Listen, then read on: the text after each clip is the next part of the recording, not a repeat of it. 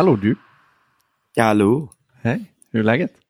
Det är bra. Jag har Lucia-maxat. Jag är adventspillrad. Jag, eh, har, eh, jag har faktiskt tagit bort alla sociala medier från min telefon ett tag. Oj, jäklar. Va, Ja. Vadan detta? Nej, men, alltså, jag eh, har ju brottats med eh, det här länge. Att jag, eh, jag, jag- jag blir så, eh, det, det är svårt att hålla styr på sig när man sitter på sociala medier. Alltså att inte kommentera grejer.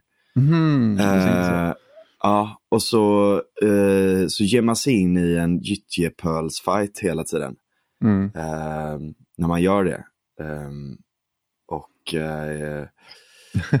även om man skriver något litet eller bara kommenterar på något litet så känns det som att man direkt är inne så här i, i ringen igen. Eller rinken, vad fan heter det? Ja, eh, boxningsringen. Boxnings- Ja, Eller hockeyrink. Det beror ju på hur du, vilken Ja. metafor du vill använda. ja, det går snabbt i hockey. ja, det gör det. Nej, men, ja, nej, men jag känner igen det där. Så att du, du mm, känner att du orkar inte hålla på med det där. Nej, men jag, eh, alltså, nej, men det finns ju väldigt mycket bättre saker man kan lägga sin tid på känner jag. Eh, alltså, Inte minst också just scrollandet är, Mm. är någonting som eh, jag tror är fruktansvärt. Eh, jag tror att Heidegger hade rätt. Nej, men He- Heidegger och Spengler och alla de där. eh, som Sa de det att man ska inte scrolla på Twitter? Nej, du ska inte sitta och scrolla hela tiden. Ehm, jag, Alltså jag, jag har läst ganska mycket. eh, just nu, anledningen varför jag nämner Heidegger är för att jag läser en jättebra bok av Svante Nordin. Som Mm. heter Världsandens partisaner som handlar om Schmidt, Jünger och Heidegger. Mhm. Före, under och efter andra världskriget. Okej. Eh, eller före, under och efter. Ehm, Jag, är inte så- jag har inte så bra koll på dem faktiskt. Eh, jag nej, den är ganska intressant. Jag, jag kan ta med den till Göteborg. Jag kommer Mm. snart. Ja, Eh, Jag håller på att läsa ut den just nu ändå. Jag tror du skulle verkligen gilla den tror jag. Mm. Den, den, den följer lite eh, även, alltså dels deras tankar men också lite tidsandan runt. Eh, framförallt är det väldigt intressant tycker jag att läsa om, om Weimar-tiden ja där. just det. Verkligen.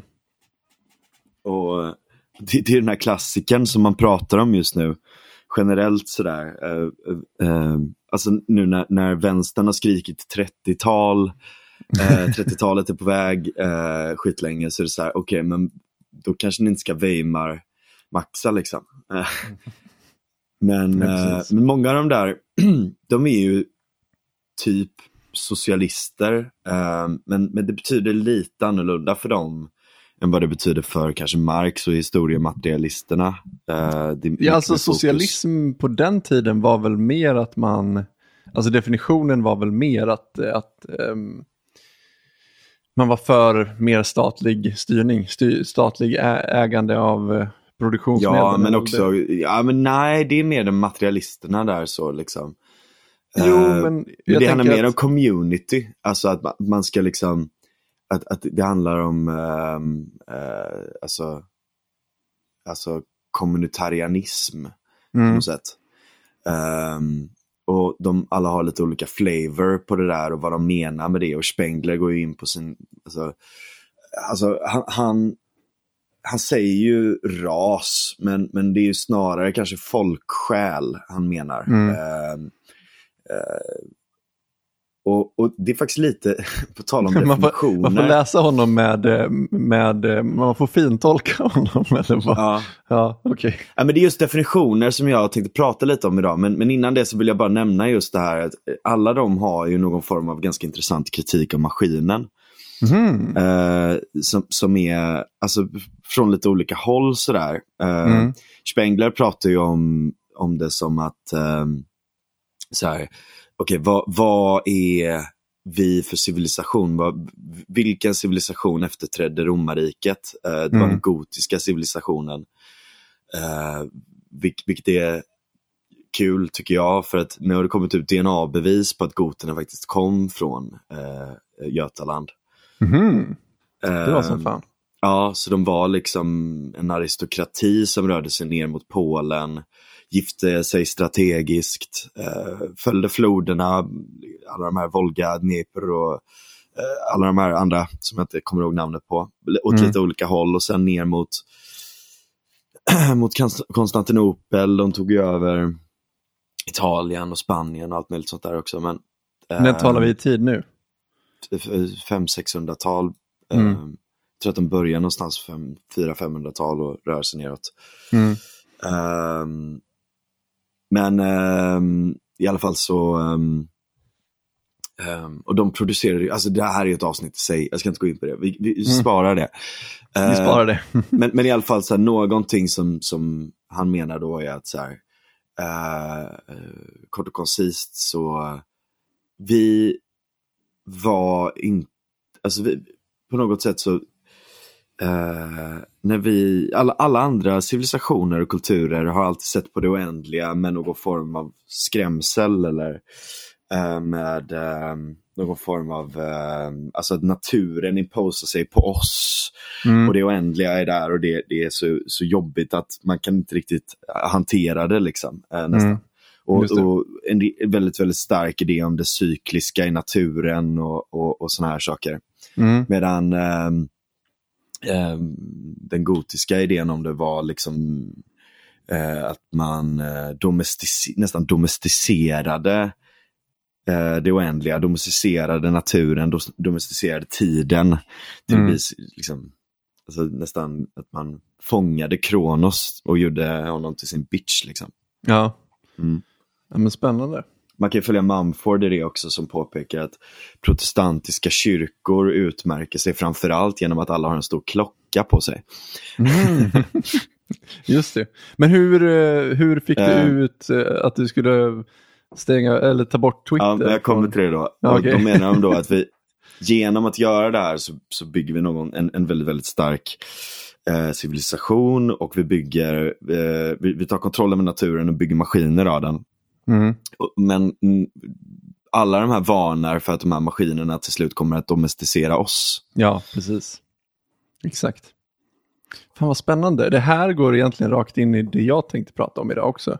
Men eh, Är det så? ja, verkligen. Just det. Ja, då börjar vi med det så kan jag komma in, komma in på Ska vi börja med det? Då. Ja, Ja, det, jag tror inte att det kommer bli allt för långt. Men eh, jag har eh, djupdykt lite i sedvanerätt. Nu ska jag prata juridik idag, eh, Mm. men det kommer att bli intressant. eh, känner du till sedvanerätt, vad det är för någonting? nej.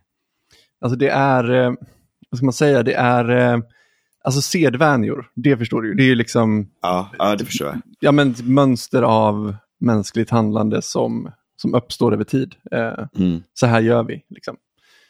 Ja men typ, ehm, Så här har vi alltid gjort. Ja men typ, alltså Mm. det, det här förväntas eh, göras nu. Jag har minsann alltid sagt negerboll och jag kommer fortsätta göra det. Ja men lite så. ja men typ, ja, men mer, mer liksom regler, typ att så här, om du kommer hem till någon så tar du av dig skorna liksom, och innan du kliver in. Ja. Alltså, ja, men bara sådana enkla grejer liksom. Eh, och det finns liksom sedvanerätt när de här sedvänjorna blir på något sätt rättsligt bindande. När du liksom Mm. mer eller mindre kan, om det blir en tvist eller så, så, så kan du på den grunden få, få rätt eller fel, så att säga. Och det är ganska intressant att, om man kollar, liksom, om man kollar i liksom kontraktsrätten, eh, så finns det, det finns många lagar där och det finns massa grejer där. Men om man tittar på två centrala lagar, eh, avtalslagen och köplagen, Mm. Eh, om man tittar i tredje paragrafen köplagen så står det så här. Eh, Lagens bestämmelser tillämpas inte i den mån annat följer av avtalet, av praxis som har utbildats mellan parterna eller av handelsbruk eller annan sedvänja som måste anses bindande för parterna. Och Samma sak står det egentligen i avtalslagen som är grunden för avtal, hur man ska förstå det. Eh, då står det i första paragrafen, andra stycket, står det eh, vad i nämnda paragrafer stadgas ska lända till efterrättelse, så vitt ej annat följer av anbudet eller svaret eller av handelsbruk eller annan sedvänja.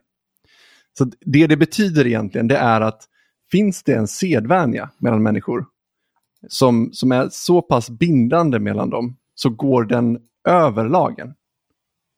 Då Mm. tillämpas inte lagen alls, utan då Ah. går man bara på sedvänja.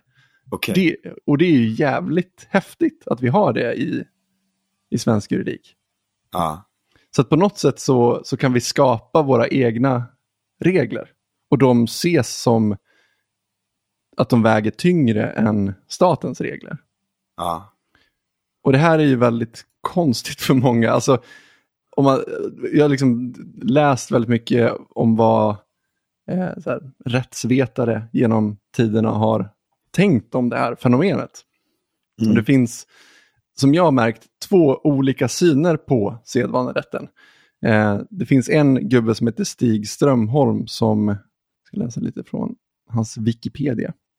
Han lever faktiskt fortfarande, han är född 31. Eh, det står så här, han är en svensk rättslärd. Han var Uppsala universitets rektor mellan 89 till 97 och är professor emeritus i civilrätt med internationell privaträtt. Bla, bla, bla. Och han, hans syn på det här, alltså det, han, är, han är väldigt, väldigt skeptisk mot sedvänjor. Just framförallt eftersom det är ganska vagt egentligen att veta vad en sedvänja är. Vilket Mm. gör att de är väldigt svårtillämpade. Och han tycker liksom att det här att de skulle ha företräde framför eh, lagen, framför just dispositiv lag som det heter då. Alltså till exempel avtalslagen eller köplagen, där kan du ju avtala också. Du kan ju skriva ett avtal och då går det också före lagen. Men eh, just med sedvänjor så tänker jag, fan det här är ju jävligt flummigt alltså. Och varför skulle det ha företräde framför lagen? Som dessutom, alltså lagen ser han som att så här, det här är ju genomtänkta lösningar som är lagstiftade. Alltså det här är folk som har suttit och funderat på det här och undersökt det här och verkligen bara, det här är en bra lösning på det här problemet. Och då helt plötsligt om folk gör på något annat sätt så ska det helt plötsligt ha företräde. Det är jävligt konstigt liksom. Mm. Ehm, och sen finns det en annan snubbe som eh, också är lite samtidigt, han är i och för sig död nu och har varit det i snart 20 år. Eh, och jag vet inte riktigt hur man uttalar hans namn, men Alexander Petchenik. Ska kolla hans... ehm, han kom från Polen, Krakow, ehm, men är svensk då, han dog i Lund 2005. Han var professor i allmän rättslära vid Lunds universitet. Mm. Han hade en lite mer liberal syn på sedvanerätten än Stig Strömholm. Och han menar liksom att det finns, man kan skilja mellan sedvanor som lagstiftaren bör beakta och sen finns det sedvanor som skall beaktas. Och det är väl den senare där, alltså den som är tvingande som, som kräver någon form av lagstöd. Eh, men han lyfter ändå upp och tycker att det är okej att ja, men, det finns ändå sedvänjor som, som, som bör beaktas. Eh, så att om man tittar på de här två, så Stig Strömholm, han har ju den här idén om att ja men vad fan, vi har ju tänkt ut ett bra sätt att göra det här på. det finns ju lagar av en anledning, vi har ju liksom funderat ut hur det ska gå till. Medans Petchenik, alltså jag slaktar förmodligen hans namn här nu, det är väl en liten Mm. microaggression. Han ser det mer som att så här, vad fan det här, det kommer ju liksom, rätten på något vis, det kommer ju, det, det växer ju underifrån på något vis bland folket. Och det är klart att lagstiftaren måste eh, beakta det på något vis. Alltså det är ju, det, så måste det ju vara. Så det är liksom, det är två olika syner här, en väldigt top-down och en bottom-up Mm. på, på det här. Och jag vet inte om jag ska gå igenom liksom hur sedvanen, sedvanerättens ställning har varit i Sverige under historien. Gör det. Om man kollar liksom på, på 1600-talet så hade domstolarna, eller hovrätterna då, hade extremt bred rättskällelära. Alltså rättskällor det är ju egentligen sånt som eh, folk tänker på som, som lagen så att säga. Men det är ju egentligen inte bara lagen vi, vi går på i Sverige, alltså den skrivna lagen, utan vi har ju praxis till exempel från, från HD är ju en rättskälla som, som används i när man dömer så att säga. Det är, Mm. ja. Ehm, och även förarbeten är en sån sak där man kan läsa och få ut mer av vad som är tankarna bakom det här liksom, och, och kan argumentera. Och det är liksom en rättskälla, den har status som kan användas i en domstol som liksom, den väger någonting rent eh, lagmässigt, om man ska säga. Det är svårt att förklara det med, med ord som, som liksom, människor som inte är jurister ska förstå. Men, eh, men i alla fall på den här tiden så hade man en väldigt, väldigt bred rättskälla. Man hade liksom, man tog in lagar från Tyskland och alltså överallt ifrån och, och liksom dömde efter deras regler och man tog även sedvanor från Tyskland och allt möjligt och även svensk, eh, svenska sedvänjor. Allt, alltså man hade hur mycket krångel som helst. Liksom. Så att på 1600-talet så bestämde Karl XI att fan det här är så jävla rörigt, alltså vi måste få, få någon ordning på det här. Liksom. Så att han förbjöd alla utländska rättskällor och så skulle vi bara döma efter svensk rätt. Och den svenska rätten var väldigt, eh, det fanns inte så mycket lagar liksom. Eh, så då skulle man döma också efter sedvänja. Mm.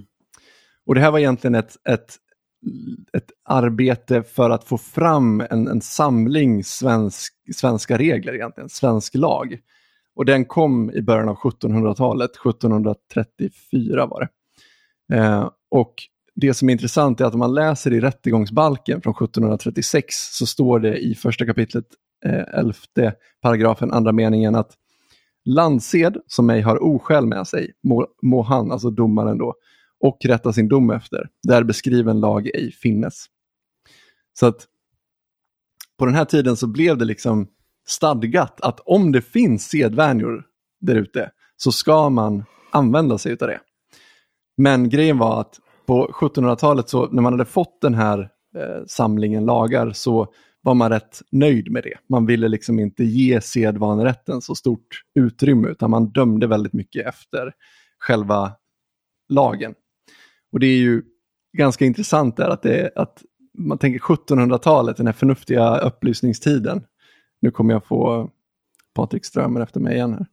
Jag säger upplysning. Men just det här, det speglar lite grann Stig Strömholms tankesätt igen här. Att helt plötsligt under 1700-talet så, så är det väldigt mycket tänkandet som står i centrum. Och liksom teorierna står i centrum. Ja. Så då vill man inte, då, då vill man inte eh, ge utrymme till det här flummet, liksom, utan man tänker sig att nej, men vi, kan, vi kan tänka ut allt rationellt. Liksom. Så att lagen är uttänkt rationellt, så att det är den som vi följer, så att säga. Och man, när, när, vi kommer in på 1800-talet så blir det en, eh, en renässans egentligen för sedvanerätten. För då är ju romantiken stark. Du, vet, du har mm. sett eh, tavlor från romantiken. Ja, ja. Det är ju liksom människans roll i tavlorna är ju väldigt liten. De, de målar ju gärna stora naturbilder och så är det liksom en liten, liten människa i något hörn. Liksom. Ja, precis. Um, eller också så stora ruiner. Ja, precis. Uh, de, de, jag kommer ihåg, jag var i Venedig mm. på det gamla konstmuseet där och gick runt och kollade på de där. Uh, och, och, det är ju under 1800-talet också en, en, en, form av renässans uh, tanke också. Alltså, mm. Uh, alltså en, en, en, ny renässans i bemärkelsen att man började se tillbaka till de gamla grekerna och till romarriket och sådär. Mm. Och det var ju idén om de här ruinerna också, att så här, en gång i tiden så, eh, så liksom fanns det stora imperiet som föll och, och är, vi, är vi ens i närheten av lika storslagna som de någonsin var? Mm. Och sådär, och det, det, får ju också, leder ju också till att man bygger väldigt vackra grejer. Ja, och um, det är liksom mm. fokus på det organiska skulle jag säga. Ja, lite så också väldigt um, mycket den grejen. Um, och under den här tiden så, så kom det något som heter den historiska skolan i Tyskland som var en rättspositivistisk skola eh, som var skeptisk mot naturrätten. Jag ska inte gå in så mycket på naturrätt för det har babblat så mycket om. Det här är inte naturrätt ska jag säga, sedvanerätt. Det är en annan grej. Mm. för grejen är att om man, om man tänker att, att under romantiken, om man tänker på det organiska, det som växer fram bland människor, det var det som var eh, det man ville eh, understryka, att det här är egentligen alltså folkets rättsövertygelse, det är det som allting vilar på. Mm. Det är vi tillbaka till det här folket. liksom. Ehm, Just det. och eftersom folkets rättsövertygelse kan ju förändras över tid och då kan det ju per definition inte vara naturrätt eftersom naturrätten är ju konstant över tid. Mm. Eh, Så det här är på något sätt någon, någonting annat med sedvanerätt. Eh, Men just eftersom den är organisk så får den en sån framträdande roll under 1800-talet. Och eftersom Sverige sen, typ, jag vet inte hur länge, lång tid tillbaks, eh, har varit extremt inspirerade av Tyskland. Vi har ju egentligen tagit allt de har gjort. De har ju varit vår storebror liksom, egentligen fram till Ja. Typ andra världskriget. Mitten någonstans av andra, andra världskriget. vi har alltid haft någon storebror. Antingen så har det varit Tyskland, Frankrike eller England. Mm. Precis, eller USA framförallt. Eller kanske. USA nu. Ja, nu är det Mm. USA, precis. Ja, England och och- USA, same shit. Nej, jag Det har väl varit det sen dess egentligen. ja. Ehm, Eh, ja, precis. USA tog över efter andra världskriget. precis. Men det är intressant, för sen när man kommer in på 1900-talet när... Alltså det, Eller frågar förlåt, jag måste bara säga nej, inte direkt efter andra världskriget. Det, det, alltså, det är ju snarare efter eh, informationsmonopolet. Alltså tv, radio och allt det där. Det är snarare när det faller som USA blir det. Eh, sossarna håller ju emot det ganska länge. Eh, Alltså, det här med att USA skulle vara storebror liksom. Eh, mhm. det, det kommer ju, alltså, jag, jag är inte expert på det här, men jag, jag skulle ändå tippa på att det inte är så, eh, åtminstone fram till eh, när, när, när det släpper, då tror jag att det verkligen är då som, som det blir riktigt stort. Alltså du tänker typ alltså, slutet av 80-talet? Eller vad? Ja, ja typ alltså. För att, vad heter det, vi, vi, man tillät ju inte rockmusik. Eh, alltså man, man tillät ju inte kultur från USA i princip. Nej, men det är väl kanske skillnad på vad staten ser som förebild och vad folk ser som förebild. Ja. Men jag, Jag betvivlar Tyskland- faktiskt, jag betvivlar nog, alltså Tyskland försvann ju som storebror. Mm. Inte för alla men för väldigt, väldigt många under den Mm. perioden. Och kanske så att britterna tog över i viss mån då, att vi började lära oss mer engelska och sådär. Mm. Eh, men jag tror att intåget av, men det här är bara en gissning, Mm. att intåget av USA kom faktiskt lite senare. Men, men det var Ja, bara det en passus och en Det är fundering. möjligt, men jag, ja, jag vet inte. Alltså jag, min morfar har ju berättat hur han eh, upptäckte Elvis Presley på 50-talet. Liksom, att det var... Ja, okej, det kanske börjar krypa in lite då, ja. Ja, jag tror nog faktiskt det. Ehm, I alla fall så var inte Tyskland vår storebror efter andra världskriget i alla fall. Men under 1800-talet eh, och fram till dess så var det definitivt vår storebror. Ja. Ehm, men i alla fall, eh, tillbaka till sedvanerätten. Alltså, det som är intressant på 1900-talet, alltså jag ser ju 1900-talet väldigt mycket som, i alla fall i Sverige, det här eh, sociala ingenjörskonst eh, år, århundradet, där man försökte planera varenda liten detalj uppifrån. Eh, så att man skulle bygga praktiskt, folk, alltså vi skulle bort med fattig och lort-Sverige. Ehm, du vet hela den strömningen, liksom, när man rev gamla hus och byggde upp de här rationella. Allting var väldigt uttänkt, planerat in i minsta detalj. Eh, men det som är intressant det är att vi aldrig, alltså eh, så här, sedvanerätten försvann ju på, på väldigt många håll i, inom svensk juridik under 1900-talet. Till exempel så, så den här eh, hänvisningen till landsed i, i rättegångsbalken från 1730, 1736 stryks 1942. Ehm, men det är konstigt att vi på något sätt har behållit det här inom de, inom de rättsområden som har att göra med handel. Mm.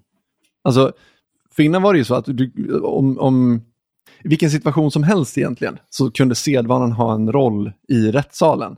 Eh, men det försvann och nu var det bara egentligen sedvana inom, alltså när man handlar med varandra. Mm. Den fick vara kvar. Och det är väldigt, väldigt konstigt att det överhuvudtaget var så. Men jag, ja, jag har lite funderingar kring varför, de, varför man gjorde så. Men grejen är, det som är intressant med det här egentligen, det är ju varför har sedvanerätten sån tyngd att den är, står över vanlig lag ens inom handeln nu då? Så är det ju Mm. där den är kvar. Men hur kan det komma sig att den överhuvudtaget kan ha den statusen? Mm. Det är ju den största frågan. Och jag har ett litet citat här från Hjalmar Karlgren från, från en bok som heter Kutym och rättsregel från 1960. Jag har läst väldigt mycket om det här för att det var så sjukt intressant. Han skriver så här. Citat. Skulle verkligen positiva rättssatser, mödosamt utformade av våra la lagförfattare och bottnade i skilda, mot varandra avvägda hänsyn skjutas åsido så snart i samhället handlas och vandlas i strid mot reglerna på det sätt att en sedvänja kan anses föreligga. Och detta skulle gälla i själva centrum av vår privaträttsliga rättsordning, vid köp, uppdrag, avtalsslut i allmänhet. Så kan det väl icke förhålla sig. Här måste vara en hund begraven. Flera hundar förresten. Ja. Så det är väldigt tydligt att det här, vad fan är det här? Varför håller vi på med det här? Det här är jätte... Ja, det låter jävligt liksom. flummigt liksom. Ja. Ja, det är ju väldigt flummigt och det är väldigt, Ja. väldigt fascinerande att det överhuvudtaget är så. Men kan, Eh. kan, kan du liksom komma på ett bra exempel på det här? Bara för att kontextualisera det lite. Ja, absolut. Jag, jag, kommer, kom- jag, jag kommer ta upp två stycken domar Ja. eh, ganska nyligen där man har pratat om sedvänja. Ja. Eh, så det kommer exempel på det. Eh, men for now så kan vi bara tänka på det som, som regler som uppstår spontant och som får eh, Mm. mer, mer tyngd än eh, vanliga lagregler. Och som sagt, det här är inte naturrätt heller. Utan det här är någonting annat för att det är föränderligt. Liksom. Mm. Och då, alltså grejen är att när man pratar om eh, liksom, rättskällornas legitimitet så finns det egentligen strikt sett två olika sätt att se det på. Vi har ju top-down och bottom-up och det har vi pratat om tusen gånger i, i den här podden. Men det är ganska intressant att det, att det liksom finns även inom juridiken väldigt tydligt hur man ser på legitimiteten. Och top-down är ju liksom mer det här att gällande rätt kommer ifrån, det kommer ur själva statens vilja. Och det reglerna bestäms uppifrån och legitimiteten hämtas snarare hur, i liksom hur reglerna har kommit till, vilket regleras av andra regler. Så det här är ju liksom synen på att det är staten som bestämmer hur det ska vara och eh, på sättet staten bestämmer hur det ska vara är också reglerat av staten. Det är där legitimiteten kommer ifrån. Mm. Och sen kan man väl ha någon idé om att, att det är liksom, vi har ju demokrati så att vi röstar ju fram de som tar fram lagarna och så vidare. Så att på något, något plan så kommer det ändå bottom-up, men ja, någonstans måste man ju dra en gräns då. Så det här är i alla fall top-down-synen så att säga. Och sen har vi den här lite mer flummiga bottom-up där man tänker sig att lagen, legitimiteten, den hämtas ur folkets rättsövertygelse. Och det är egentligen ett resultat av mänskligt handlande över, över lång tid. Mm. Så att även, även lag, lagen, som så den, den, skrift, den nedskrivna lagen, är legitim om folk upplever den som legitim och handlar därefter. Mm. Så att om man tar de här två olika perspektiven och tittar på lagen, som sagt, alltså föreskrifter, alltså den skriftliga lagen, eh, så kan man, som jag säger, alltså man kan legitimera de här utifrån båda perspektiven. Mm. För, för man kan se det som att ja, men lag är ju bara lag om den accepteras av folket. Då kommer de ju rätta sig efter det. Det är ju det är bara då den funkar. Liksom. Om, den inte, om folk skiter i det så kommer det ju inte funka i längden. Det, Mm. det är ju självklart. Så att bottom-up funkar det. Och sen självklart även top-down så kan man ju säga att jo, men det här är ju legitimitet. Lag, lagreglerna har ju kommit till på ett visst sätt. Eh, Det är staten som har skrivit ner dem, det är de som har gjort någon magisk grej så att vi, det är legitimt. Liksom. Så kan man egentligen göra med alla rättskällor. Men när det kommer till sedvanerätten så man kan inte förklara sedvanerätten ur ett top-down perspektiv. Nej, Utan du kan bara förklara den ur, ur ett bottom-up perspektiv. ja precis. Så att på något sätt, det här är ju väldigt konstigt. Alltså legiti- legitimiteten är ju halv då egentligen, om man jämför med de andra rättskällorna. Men ändå så är den så tung. det är så Ja. jävla konstigt. Och det finns ju argument för att sedvanerätten skulle, vara, skulle få plats inom den här top-down-tänkandet. Till exempel då att, ja men jag läste ju upp lagen, alltså tredje paragrafen köplagen till exempel. Där har ju faktiskt lagstiftaren pekat ut sedvänja som rättskälla. Så att Mm. det har blivit sanktionerat från staten att jo, men det, här är, det här är gällande rätt. Men då är frågan, alltså, det är fortfarande inte staten som bestämmer vad reglerna är för någonting, utan det sker ju spontant underifrån. Så att lagstiftaren mm. har ju bara sagt att ah, vi kan ta in de reglerna som uppstår underifrån. Så det är liksom inget bra top-down argument heller egentligen, utan för det är inte, reglerna är inte skapade av staten. De är skapade av folket. Och det är ju väldigt, alltså det här är så snurrigt. alltså jag har slitit mitt hår så mycket, bara att försöka förstå det här. Va, va, vad är det vi håller på med? Varför har vi lagstiftning, eller lagar som inte ens är stiftade, som, som är tunga liksom? Mm. Och jag var inne på, självklart det här med eh, alltså, österrikiska skolan, mänskligt handlande, praxeologi. Liksom. Alltså, anledningen till att sedvanerätten är så stark inom handeln, det är för att du kan inte planera en ekonomi uppifrån. Nej. Det går ju inte. Alltså det, det har vi ju sett under 1900-talet, att mm. det inte går överhuvudtaget. Ja. Eh, så jag tänkte att fan, det här kanske det här kanske är anledningen till, alltså att man på något sätt i Sverige har bara så här, ja fan det blir jävligt svårt att planera in varenda liten grej här liksom. Ja. eh, För en gångs skull. Ja, precis. Ja, och det är ju det som är så jävla konstigt. Om du, har, om du har en övertro på att du kan planera människors liv in i minsta detalj hela tiden, varför just inom handeln skiter du i det?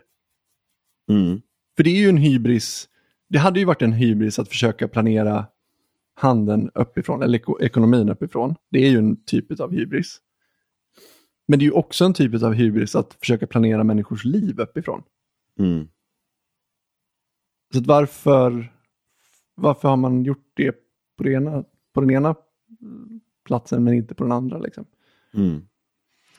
Så det är jävligt konstigt. Jag kollade även på, alltså för att försöka förstå det här så läste jag även HLA Heart som är... Um, Hjärt och lungräddning. Vad sa du? det lät så. HLH. ja, just Hjärt och lungräddning så här. ja, nej, H.L.A. Hart, han var en, ja. Eh, en engelsman. Uh, han levde under 1900-talet, dog 92. Som var en rättsfilosof och han har liksom haft ett sjukt stort inflytande på uh, rättsfilosofin. Under, alltså han är tungviktarnas tungviktare verkligen. Mm. Och han skrev en bok 1961 som hette The Concept of Law. Och där ägnar han egentligen de första fyra kapitlen åt att göra upp med en annan gammal 1800-tals rättsfilosof som heter John Austins teori om vad gällande rätt är för någonting. Och han, John Austin är ju mer den här, den här snubben att jo, men det är staten som bestämmer, det är befallningar från staten gentemot folket som, är, som har någon form av sanktion. Så att om du inte gör som staten säger så får du ett straff. Liksom. Så han gör upp med den idén, de första fyra kapitlerna. Och sen i femte kapitlet av den här boken så börjar han lägga ut sin egen teori. Vad, vad gällande rätt är. Vad är ett rättssystem? Liksom? Hur ska vi se på det? Och det som är intressant det är att i kapitel 5 så, så lägger han fram två stycken grundpelare för vad ett rättssystem är. Och Den första grundpelaren är något han kallar för primary rules of obligation. Mm. Och Det här är egentligen enkla regler, eh, alltså typ etikettsregler. Typ att du, men typ inom mode till exempel. Eh, så inom herrmode, så säg att du har bruna skor på dig, då kan du inte ha ett svart skärp. Liksom. Det är bara så här, nej, du gör mm. inte det. Och samma sak, jag såg... Um, jag tycker mörkbrunt och svart funkar. Ja, men det är ju det. Det, ja. det är en bra poäng. Uh, ja. Ljusbrunt och svart funkar verkligen inte. Nej, nej det gör inte det. Och jag tänkte, Elias spaningar, vad heter han? Elias, um, ja, på Twitter. Uh, just det, ja han gjorde en um, tråd om där han recenserade frackarna på Nobel um, Nobelmiddagen, säger man så? Mm, mm, mm. Um, och då tänkte jag på, uh, han recenserade Ulf Kristersson. Och Ulf Kristersson hade ett armbandsur på sig. Och ja. jag kände bara att så här, nej, du kan, du kan ju för fan inte ha frack och sen ha liksom en sportklocka på dig. Alltså det, det, det bara nej, det, Ja. så, så gör man inte. Får man inte ha klocka alls då? Nej, alltså om du ska ha en klocka så ska du ju ha i sådana fall en, en sån här... Ett fickur. Diskret, snygg, ja. Ja, men precis. För jag, jag tycker att det signalerar någon form av... Eh, jag menar, alltså, är du på en middag och vill hålla koll på tiden, då är det inte så trevligt. Liksom. Det, det signalerar att du, att du inte lever i stunden på något vis. Just det, och det är det ja. som är hela poängen med eh, middagen. Mm. Så att det är, en, det är ett exempel på sådana här primary rules of obligation. Mm. Eh, och problemet med sådana här regler är ju att de här de utgör ju inte riktigt något system, utan de existerar bara på något konstigt sätt. Och det är bara enstaka regler som egentligen Mm. flyger omkring. Men man riktigt. fattar också att det finns en sedvana, det finns en konnotation med att ha en klocka på sig. Dels traditionen att varför man började bära klocka, eller, liksom så här, eller rättare sagt funktionaliteten varför man började använda klocka. Och nu när vi har ett, eh, när vi har telefoner och allt möjligt sånt där, just Mm. att, det, att det fortsätter som en sedvana. Precis. Men, men hur den kan krocka då till exempel med något sånt här. Om man inte har koll på sedvanan av att bära frack. Jag vet inte vad reglerna är när man bär frack. Nej, men det är ju det. men, det men, eh, men man fattar många- att det finns. Precis. Och det är uppenbarligen många som inte har koll på det. Elias har ju Nej. stenkoll på det. Så Ja. det är därför det är lite kul att läsa hans eh, tråd. Ehm, för att han sågar verkligen sönder vissa och Mm.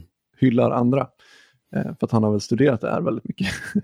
Ehm, men som sagt, det, det är ett utav problemen med de här. Det är ju att de utgör inget system. Det är bara liksom regler som existerar där ute.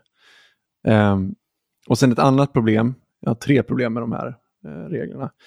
Ett annat problem är att det finns liksom inget sätt, ett enkelt sätt att ändra på de här reglerna. Alltså det, det är någonting som måste på något sätt ske spontant. Alltså nu är det ju inte så hårt egentligen med det här med skärp och, och skor till exempel. Om jag skulle komma till ehm, eh, till universitetet med ett par svarta skor och ett brunt skärp så är det ju ingen, eller ja, jag känner en, snubbe kanske som hade brytt sig, men det är ingen som skulle ens reagera på det. Men för kanske 100-150 år sedan, då hade det varit liksom, vad fan är du för bondläpp? Liksom.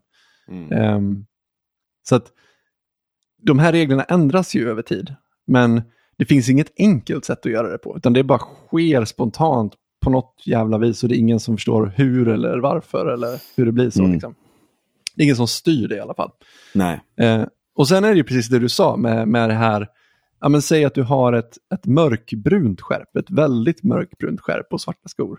Har du, brutit, har, du, liksom, har du brutit mot regeln då eller inte? Liksom? Det är väldigt svårt att, att avgöra egentligen när någon har gått över en gräns eller när någon kanske bara har lite sprezzatura. Liksom. Att eh, Mm. de kanske har en, eh, en rosa näsduk eh, till fracken. Mm. Ja, det är ju fel, för den ska ju vara vit. Liksom. Men Jag, jag älskar att sprezzatura funkar på svenska också. Det är så här, ja, han har sprezzaturar, säg lite. Eller så han, då blev det lite... sprezzaturat lite. Ja. Man, man, lite fattar, precis, nej, men man fattar precis vad det betyder. Ja, det är så jävla... Det är en, det är en väldigt nice grej alltså. Ehm, men det är ju...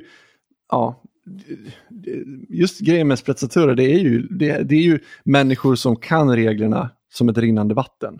Men Mm. de kan bryta mot dem på ett elegant sätt. Eh, och det är ju Mm. det som är själva grejen. Ehm, men det är väldigt, väldigt svårt att veta då. När, när har du egentligen brutit mot reglerna?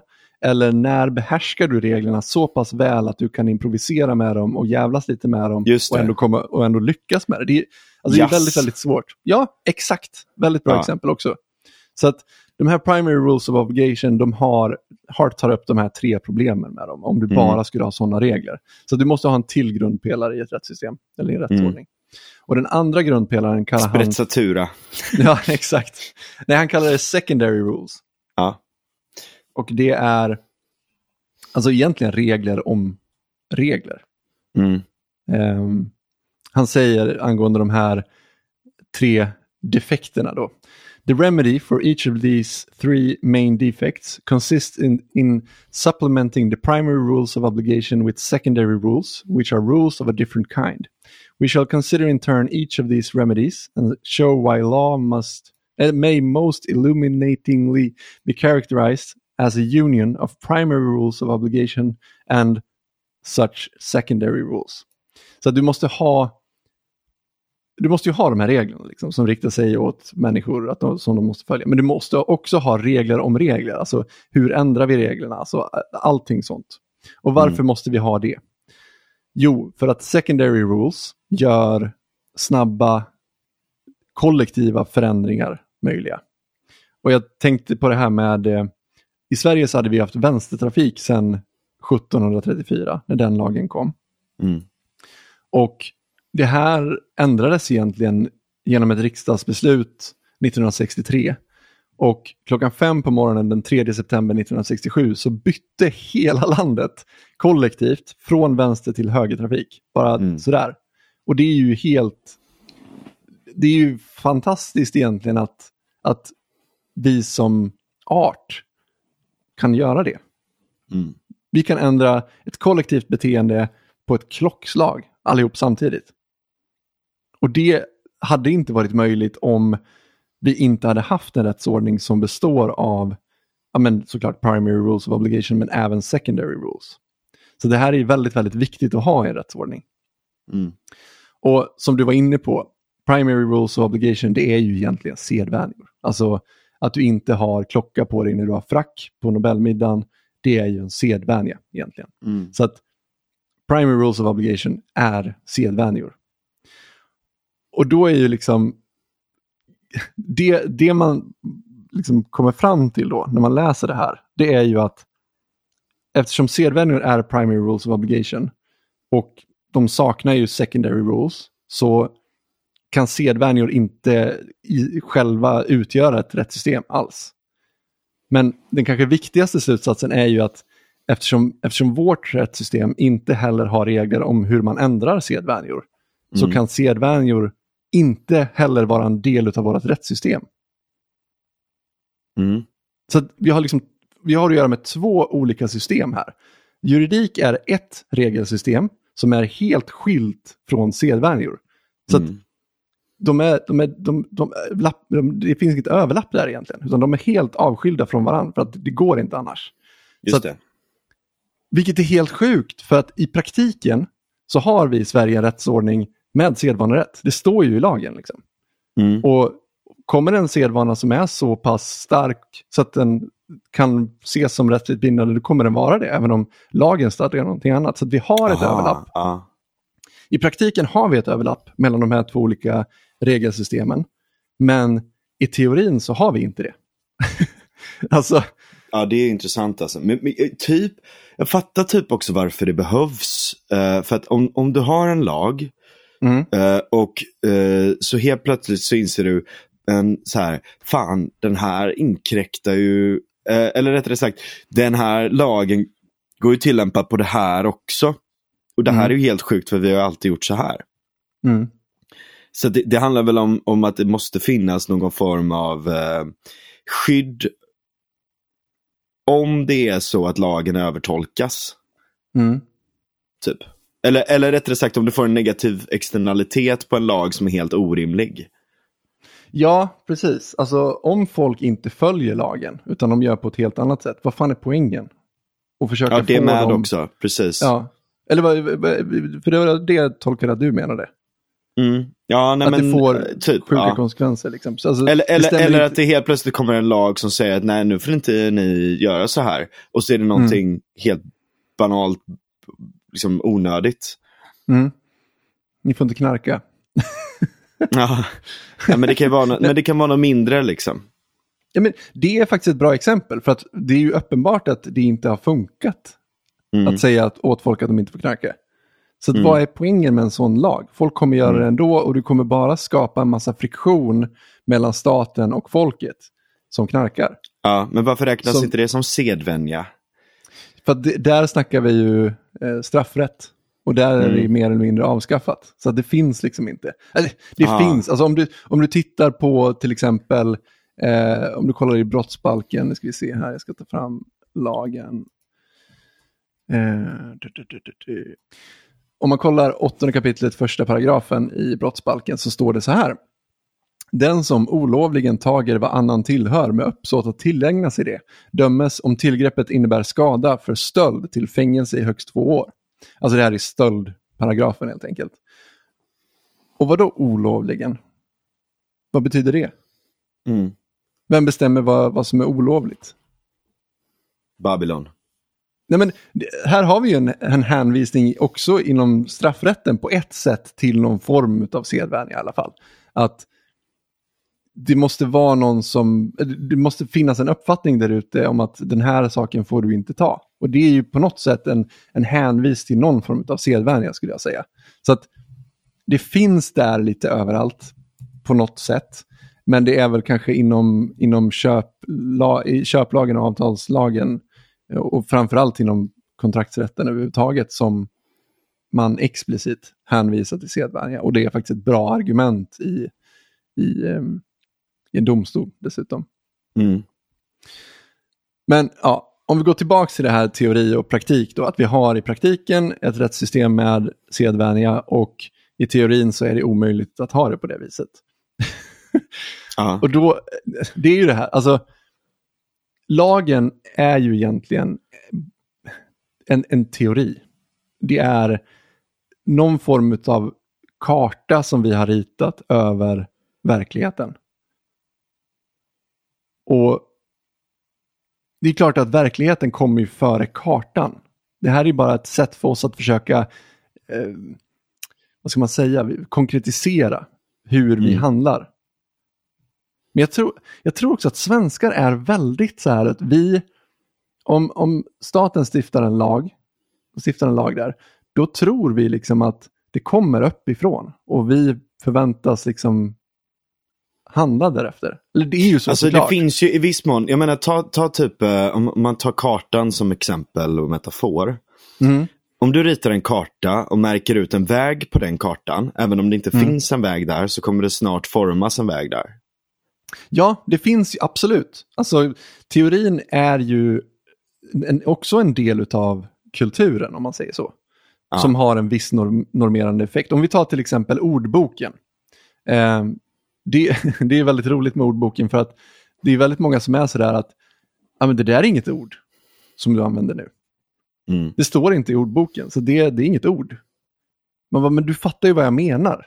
Skitsamma om det, är liksom, om det står i ordboken eller inte. Det är ju ett ord som Mm. uppenbarligen funkar i den här situationen. Ja, Ja. men det är inget ord. Alltså, det är irrelevant om det står med i ordboken eller inte. För ordboken Ja. är i slutändan bara ett sätt för oss att försöka samla vad som, hur vi pratar på något vis. Sen har Precis. ju ordboken en normerande effekt också, till exempel på hur vi stavar saker eller hur vi, hur vi ska göra saker. För det är Ja. också en del av kulturen. Men det är på något sätt ett, ett försök att, att förstå kulturen. Precis, det, Som det, is- det är väldigt mycket inne på det som jag eh, Ja. tänkte prata om sen också. Exakt. Men Ja. grejen är att det jag märker bland människor som jag studerat med eh, under åren, det Ja. är att jag känner väldigt mycket intellektuella människor. Mm. Och intellektuella människor har en förmåga att kasta om ordningen på något vis. Mm. Att försöka få verkligheten att alltid passa teorin istället för tvärtom. För det, Mm. det hade varit bättre, alltså det är ju bättre att ha en ordbok som försöker spegla hela tiden hur folk använder språket. Istället Mm. för att försöka tro att människor kommer alltid och ska alltid prata som det står i ordboken. För då har vi, alltså, det är någon sorts hybris i det. Att försöka Mm. styra verkligheten efter teorin. Och det tror jag att man som intellektuell har väldigt nära att hamna i. Det Mm. finns ju ett citat från Thomas Sowell som säger Some of the biggest cases of mistaken identity are among intellectuals who have trouble remembering that they are not God. Ja, Det är precis det det är. Och nu kommer vi äntligen till ehm, de här domarna då. För här tycker jag mig se exempel på just det här. mm. Eh, det finns ett, ett avgörande från Högsta domstolen som heter NJA 2022 sidan 574. Och kontexten är egentligen inte så relevant. Det skulle ta mig typ en halvtimme att bara försöka förklara med ojuridiska ord, eh, att försöka förstå exakt vad som har hänt. Eh, men det man gjorde i alla fall, det var att man tog ett standardavtal som fanns på marknaden, eh, som företag ofta använder sig av. Liksom. Och så sa man att ja, men det som står i det här standardavtalet, det är en sedvänja. Mm. Så att vi ska döma efter det här standardavtalet. och det är, mm. det är så intressant, för Jakob Heidbrink som jag pratat om, apropå naturrätt för några avsnitt sedan, eh, han har skrivit lite grann om den här domen och jag har hittat ett citat här som jag tycker bara är så jävla on point med hela den här grejen. Han skriver så här, citat, när, när hela standardavtal förklaras vara handelsbruk eller sedvänja då, så som skedde i NJA, bla bla bla, må detta i förstone ha viss attraktivitet. Istället för dunkla seder och bruk vars existens och exakta utformning ofta måste förbli osäkra får juristen ett bestämt dokument med en odiskutabelt existerande ordalydelse i handen. Alltså, som intellektuell så har du en dragning till att vilja förstå världen utifrån teorin. Mm. Problemet är att du kommer aldrig förstå världen till 100% genom teorin. Och tror du det så kommer du ganska snabbt börja göra våld på världen. För att du vill anpassa den efter teorin. Och det är precis det som jag tror har hänt här egentligen. Precis som Jakob säger, alltså att de har fått en, en, ett standardavtal i handen. Och då tänker de att, ja ah, men fan vad bra, här står ju allting. Här står det exakt hur de gör i den här branschen. Så det är klart att vi kan använda det här mm. Och sen finns det ett till fall från 2020 som, heter, som kallas för Girjasdomen. Eh, NJA 2020, sidan 3. Eh, och där skriver HD så här, citat. Utan lagstöd tog det förekomsten av en sedvana numera inte kunna åberopas som självständig grund för förvärv av nya rättigheter. Sen ett nytt citat. Det bör emellertid mot bakgrund av den vikt som sedvanan har tillmätts i äldre rätt vara möjligt att utan särskilt lagstöd hävda rättigheter under påstående att dessa har etablerats i äldre tid genom den sedvana som då tillämpades. Det förutsätter dock att det går att klarlägga såväl den tidigare förekomsten av en viss sedvana som den rättsliga relevans som denna sedvana hade. Alltså, på något sätt så menar de att ah, men nu, nu slutar vi med sedvanor. Det, det är kanske någonting som eh, vi hade förr. Liksom. Det är en gammal grej. Liksom, att eh, Till exempel allemansrätten. Det är ju, allemansrätten är ju en, en väldigt bra exempel på en sedvänja. Mm. Som på något sätt har blivit gällande rätt, men du kan inte hitta all, äh, äh, äh, vad heter den? Allemansrätten. Allemansrätten, tack. Du kan inte hitta allemansrätten i lagboken, för den det kommer inte därifrån egentligen, utan det här är bara en gammal sedvänja som vi har hållit på med. Okay, ja. Så det menar de att så här, ja vi kanske höll på med sedvänjor förr och det, det, de uppstod och bla bla bla och de kan till viss mån finnas kvar än idag om de är gamla. Men nu har vi slutat med det här med sedvänjor liksom, för att ja. eh, det är bara lagen vi går efter. Och återigen, här har man liksom helt och hållet uteslutit vad som händer i verkligheten och bara tittat på, ja men det måste ju stå i lagboken, annars mm gills det liksom inte längre. Just det. Eh, så att du fattar, alltså det, det, det, känns som att vi går väldigt, väldigt mycket mer mot ett intellektuellt samhälle. Alltså vi har ju gått ifrån Just det. Eh, alltså vi, ja, vi, allting, vi om det inte finns på papper så, så, eh, så får man inte göra det. Exakt. Och ja. EU är ju ett ganska bra exempel på det, där man försöker harmonisera lagstiftning över ganska vitt skilda kulturer egentligen. Ja hela Europa. Alltså det är ju väldigt olika hur en, en bonde uppe i Norrland ser på sitt liv och eh, en bonde nere i Portugal. Liksom. Hur de ja. brukar lösa saker sinsemellan. Alltså ja. hur, alltså det, det, är någon sorts idé om att så här, om, en, om vi har en central lagstiftare, någon sorts centralplanerare som kan stifta lag, då kommer alla göra så. Då kommer det bli så. För det funkar inte så. Men Nej. vi har fått för oss att det är så det funkar för att jag tror att vi har blivit mycket, mycket mer intellektuella. Och det, blir, alltså det vi ser nu egentligen, det vi har sett eh, de senaste 10-20 åren max, så har vi ju sett någon form av reaktion mot det här tror jag. Mm. Det är det egentligen typ SD speglar väldigt mycket och många andra liknande partier ute i Europa. Trump är ju också en sån eh, person som på något sätt är en, eh, vad ska man säga, en, Pro ett uttryck. Ja, men alltså, han är ett uttryck mot någon form av reaktion mot det här top-down-tänket. Ja. Eh, sen kan man tycka att det inte alls är en bra reaktion, men det är i alla fall en reaktion. Och Det jag skulle säga med de här människorna det är ju att ofta så är de inte så organiskt tänkande heller, utan det är som att de, de är också intellektuellt styrda. De vill också planera samhället, men de vill göra det på ett annat sätt. De vill vrida tillbaks klockan. Vi såg ju Mm. till exempel SDs eh, stora dröm i, i livet, det är ju att vrida tillbaka Sverige till typ 50-talet eller någonting. Mm. Så att det är inte det här, det är inte, reaktionen är inte organisk, utan reaktionen är bara att vi har en bättre idé för hur vi ska planera samhället Mm, än den som har det. varit. Så missar man liksom den här, att poängen är ju att ni planerar samhället. Det är ju det, är ju det som är hela problemet. Det är ju det som borde vara motreaktionen. Ja. Eh, men ja, så att, jag vet inte jag har, jag har ingen så slutknorr riktigt på det här. Men, Nej, men det är väl där... det är en bra segway in på, på det som, som jag ska prata om. Egentligen. ja, för det är också Eh, det. Men, men lite reflektioner runt det här från min sida. Jag, jag, jag tycker att det är väldigt eh, intressant. Ju, just det här med... Alltså någonstans så, alltså all lag har ju också utvecklats genom en, en, en ständigt pågående eh, praxis på något sätt. Eh, alltså från, eh, ja men i princip tusen år tillbaka.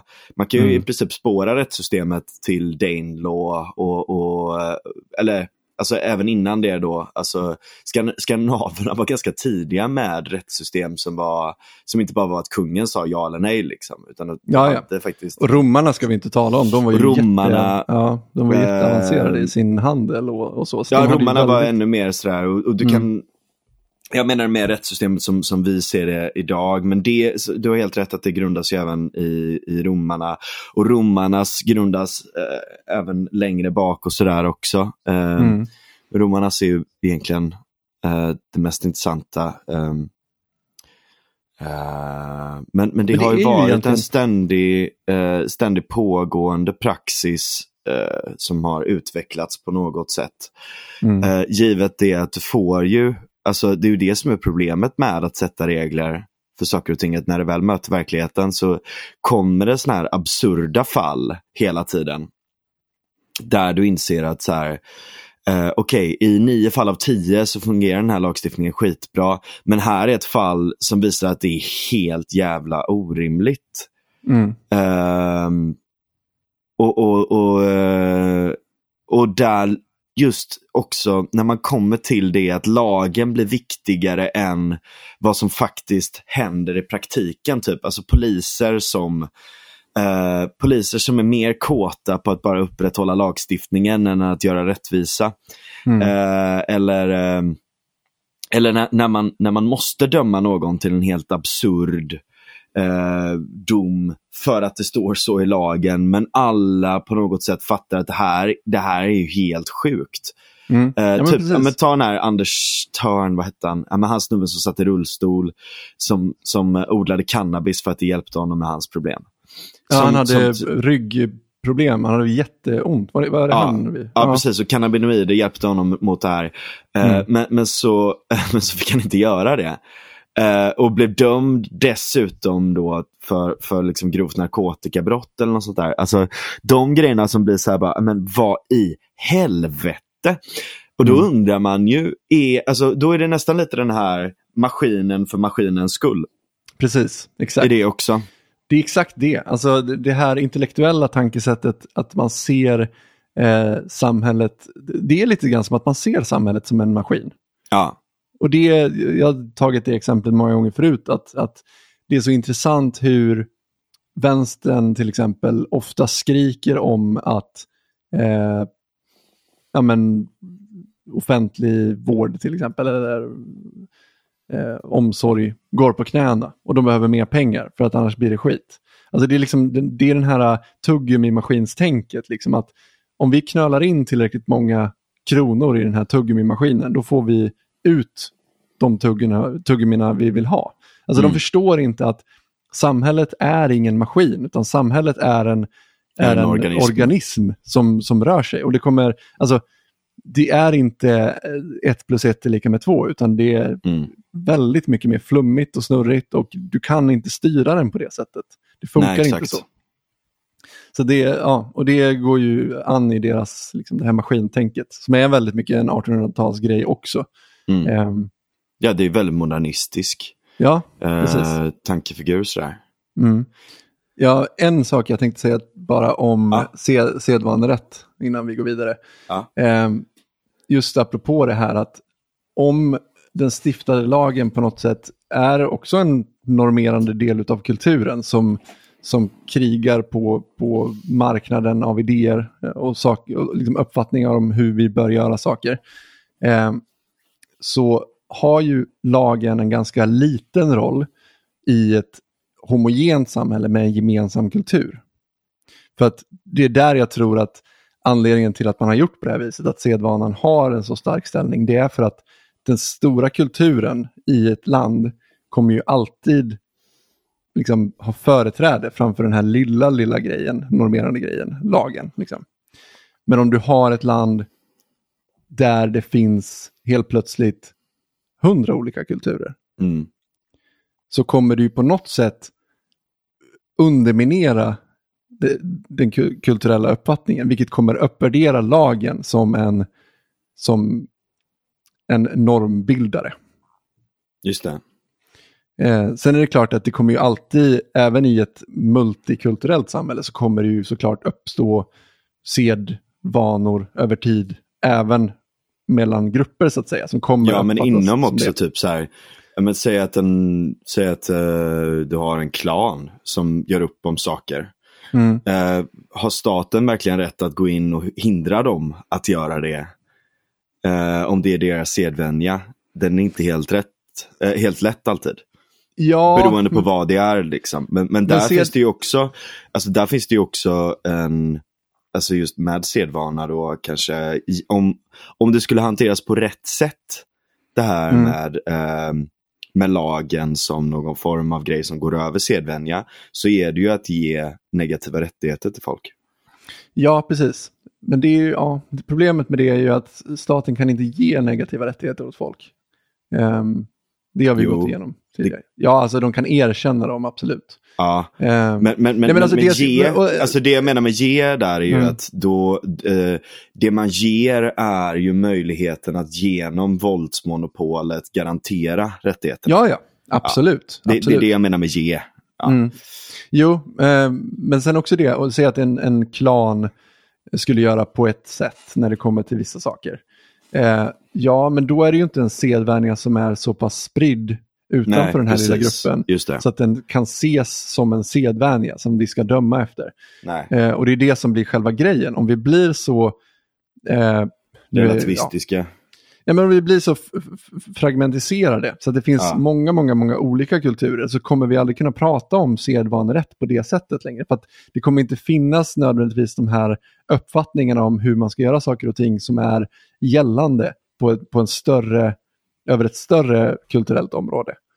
Eh, och det är det jag menar. Då kommer ju lagen få en helt annan roll. Vilket kommer gynna människor som vill planera samhället uppifrån. Mm. Och se det som en, som en bra grej att göra. Ehm, så det är väl en kritik mot... Alltså det är lite konspiratorisk eh, kritik, jag förstår det. Men man kan väl i alla fall säga att, att det gynnar centralplaneraren eh, Mm. att, att göra på det här sättet, skulle jag tänka mig. Vilket Mm. inte är så önskvärt Nej. för ett folk. Ja, bara en liten eh, tanke. Mm. Nej, men det, det är intressant. Jag har, jag har aldrig eh, funderat över det innan. Nej, Nej Det- inte jag heller så mycket. Alltså, jag visste ju om att de här bestämmelserna fanns inom köplagen och eh, avtalslagen. Men jag har aldrig Ja. liksom djupdykt i det och bara vad fan är det här för någonting? Hur ska man fatta det här liksom? Ja, Eh, så det var väldigt intressant att göra faktiskt. ja Så mycket blir det ett intressant. litet poddavsnitt om det. Men jag, jag vill expandera lite på det här eh, Mm. och gå in på det här med, med, med eh, när, det, och det finns, eh, på tal om definitioner då, det finns ingen bra definition på det på svenska, men weaponize, Ja. eh, armerat kan man säga, men, men det låter konstigt, Ar, armerad eh, definition. Mm. Ehm, men ehm, just när, ehm, alltså, för, för man, man, man kan säga att det finns ju en skillnad mellan sedvänja, det vill säga hur en definition har använts, Mm. och någon form av eh, eh, expert eh, runt det där. Nej men så här använder vi det begreppet. Eh, så här använder vi faktiskt det här begreppet eh, på det här sättet och det här betyder det här. Mm. Och det kanske absolut mest intressanta exemplet på det här är ju begreppet rasism. Ja, verkligen. Ehm, och, och, och där, Det hade ju blivit sönderintellektualiserat, verkligen. Ja men det är så jävla, det, är så, det betyder allt och inget eh, på något sätt. För att ehm, om, om man tänker så här, okej vad betyder rasism? Betyder det, och där blir det så jävla knepigt också, men, men, men, men om det betyder att man, alltså någon form av, av grunddefinition av det hela borde, borde ju vara att man ser människosläktet som eh, absolut eh, distinkta olika raser. Mm. Eh, och eh, det finns eh, eh, bättre raser och sämre raser, det vill säga ismen i det hela. Mm. Mm. Att man bygger hela sitt tankesystem kanske eh, utifrån att vissa är lägre stående och vissa är högre stående. Mm. Eh, och dessutom kanske då att man attribuerar eh, det som en, en, eh, en, kan man säga, en, en heuristik. En, Mm. en, en regel som du tillämpar på alla personer. Det vill säga att eh, antingen en heuristik eller ett bara totalt omdöme. Det vill säga att om du är svart så är du så här. Mm. Eller om du är vit så är du så här. Eller och så vidare. och så vidare. Alltså att, att du har de här klara distinktionerna då. Mm. Sen kan det kompliceras det hela då för att då kan man ju säga att så här, okej, eh, uppenbarligen så finns det ju folk som eh, ser ut på olika sätt och som beter sig på olika sätt. Mm. Eh, och eh, vissa stereotyper som ibland kanske stämmer lite också. Mm. Och så här, är man rasist eh, om man säger att eh, som kineser är bra på matte? Eh, eller om eh, väst, västafrikaner är glada och gillar att dansa. Liksom. Eller, du vet, så här. Det, det här är ju inte, eh, här, eller, eller, eller att, att det, eh, många svarta i USA är bra på jazz. Eller du vet så här, Mm. Eh, det kanske de inte är längre, men, men, men det är så här. Ja, där började, där började det bli lite sådär, ja, jo, ja, jo, men alla är ju inte det. Nej, men det är det som är Eh, själva kärnan i det. Alltså att ja. det, det är snarare, jag skulle säga att det, det är inget problem egentligen, skulle jag säga, att prata om en grupp egentligen. Och generalisera kring en grupp. Det är ju inte konstigt. Alltså att säga att svenskar eh, gillar kaffe. Alltså, ja, det är sant. Alla gillar inte kaffe. Men Nej. vi är ett folk som dricker väldigt mycket kaffe. Det är Ja. ju liksom inget, det är inget problem att, att göra en sån spaning. Jag dricker kaffe precis just nu. Ja, men jag med. Ja. Eh, men, men problemet är ju när du utgår ifrån det när du pratar om en individ och Ja. säger att aha, här har vi en svensk, han måste gilla kaffe. Alltså, för då blir det liksom att du kollektiviserar en individ från en grupp Mm. utifrån de Ja. här idéerna. Och det är väl det snarare som är rasism. Eller om man säger, ja det är en jävla kaffedrickare. Ja, men precis. Ja. det, det, ja, men precis. Det är väl snarare det. Och, och att eh, med, påkopplat det här liksom att om du tillhör den här gruppen så är du lägre stående som individ. Ja. Ehm, det, är väl, det är väl det som är själva definitionen av rasism, skulle ja, jag säga. precis. precis. Men, och där kommer det in ganska svåra grejer för det här begreppet då. För att du har ju, eh, du, kan ju du kan ju mäta ganska enkelt med neutral, alltså mer eller mindre neutrala parametrar. Så kan du mäta också eh, allting från BNP till inflation, eller förlåt, BNP till eh, innovation, till eh, eh, våld eller till massa olika sådana här saker. Mm. Eh, och där blir det svårt att ta till exempel den här utredningen som gjordes i, i Nederländerna. Ehm, över eh, migration, ehm, jag tror att det är 10 eller 20 år. Som de, äh, 20 år tror jag att det är som de har mätt. Och då, då kan de se så här, ja de här länderna, eh, folk från de här länderna har högre prevalens till brottslighet. Mm. Eh, de, om man ser de här länderna så är de generellt sett mi, minus i, i kassan eh, för oss. Och så vidare och så vidare. Det betyder inte att alla som kommer därifrån är det. Ja, men man kan se det. Man kan mm. se eh, vilka gener korrelerade med vad. Det, det mm. börjar få sån, eh, sån avancerad eh, förmåga att eh, analysera gener i dagens läge. Att det börjar hinta om en del sådana här saker. Mm. Eh, man kan till och med se, vil vilket är liksom eh, kan säga mycket, kan säga lite. Men om, om, om man jämför till exempel uh, ge, alltså grupper under Sydsahara, uh, eller söder om Sahara helt enkelt då, och mm. uh, befolkningen norr om Sahara så kan man se att um, norr om Sahara så har du en högre grad av um, neandertalargener och du har inga under Sydsahara. Mm -hmm. Jämf jämför du de här olika grupperna så är det, alltså skulle vi tillämpa samma eh, definition, och då kommer vi in på det här med lag igen då, alltså vetenskap mm. som lag. Mm. Eh, och definitioner som lag inom akademin för tankesystem då. Mm. Jag, jag, tar det här kontroversiella exemplet, inte för att göra en stor poäng av det här, utan just för att det är så kontroversiellt och det kommer in i det här lagdefinitionssystemet som gör det jävligt svårt liksom, att säga var går gränsen.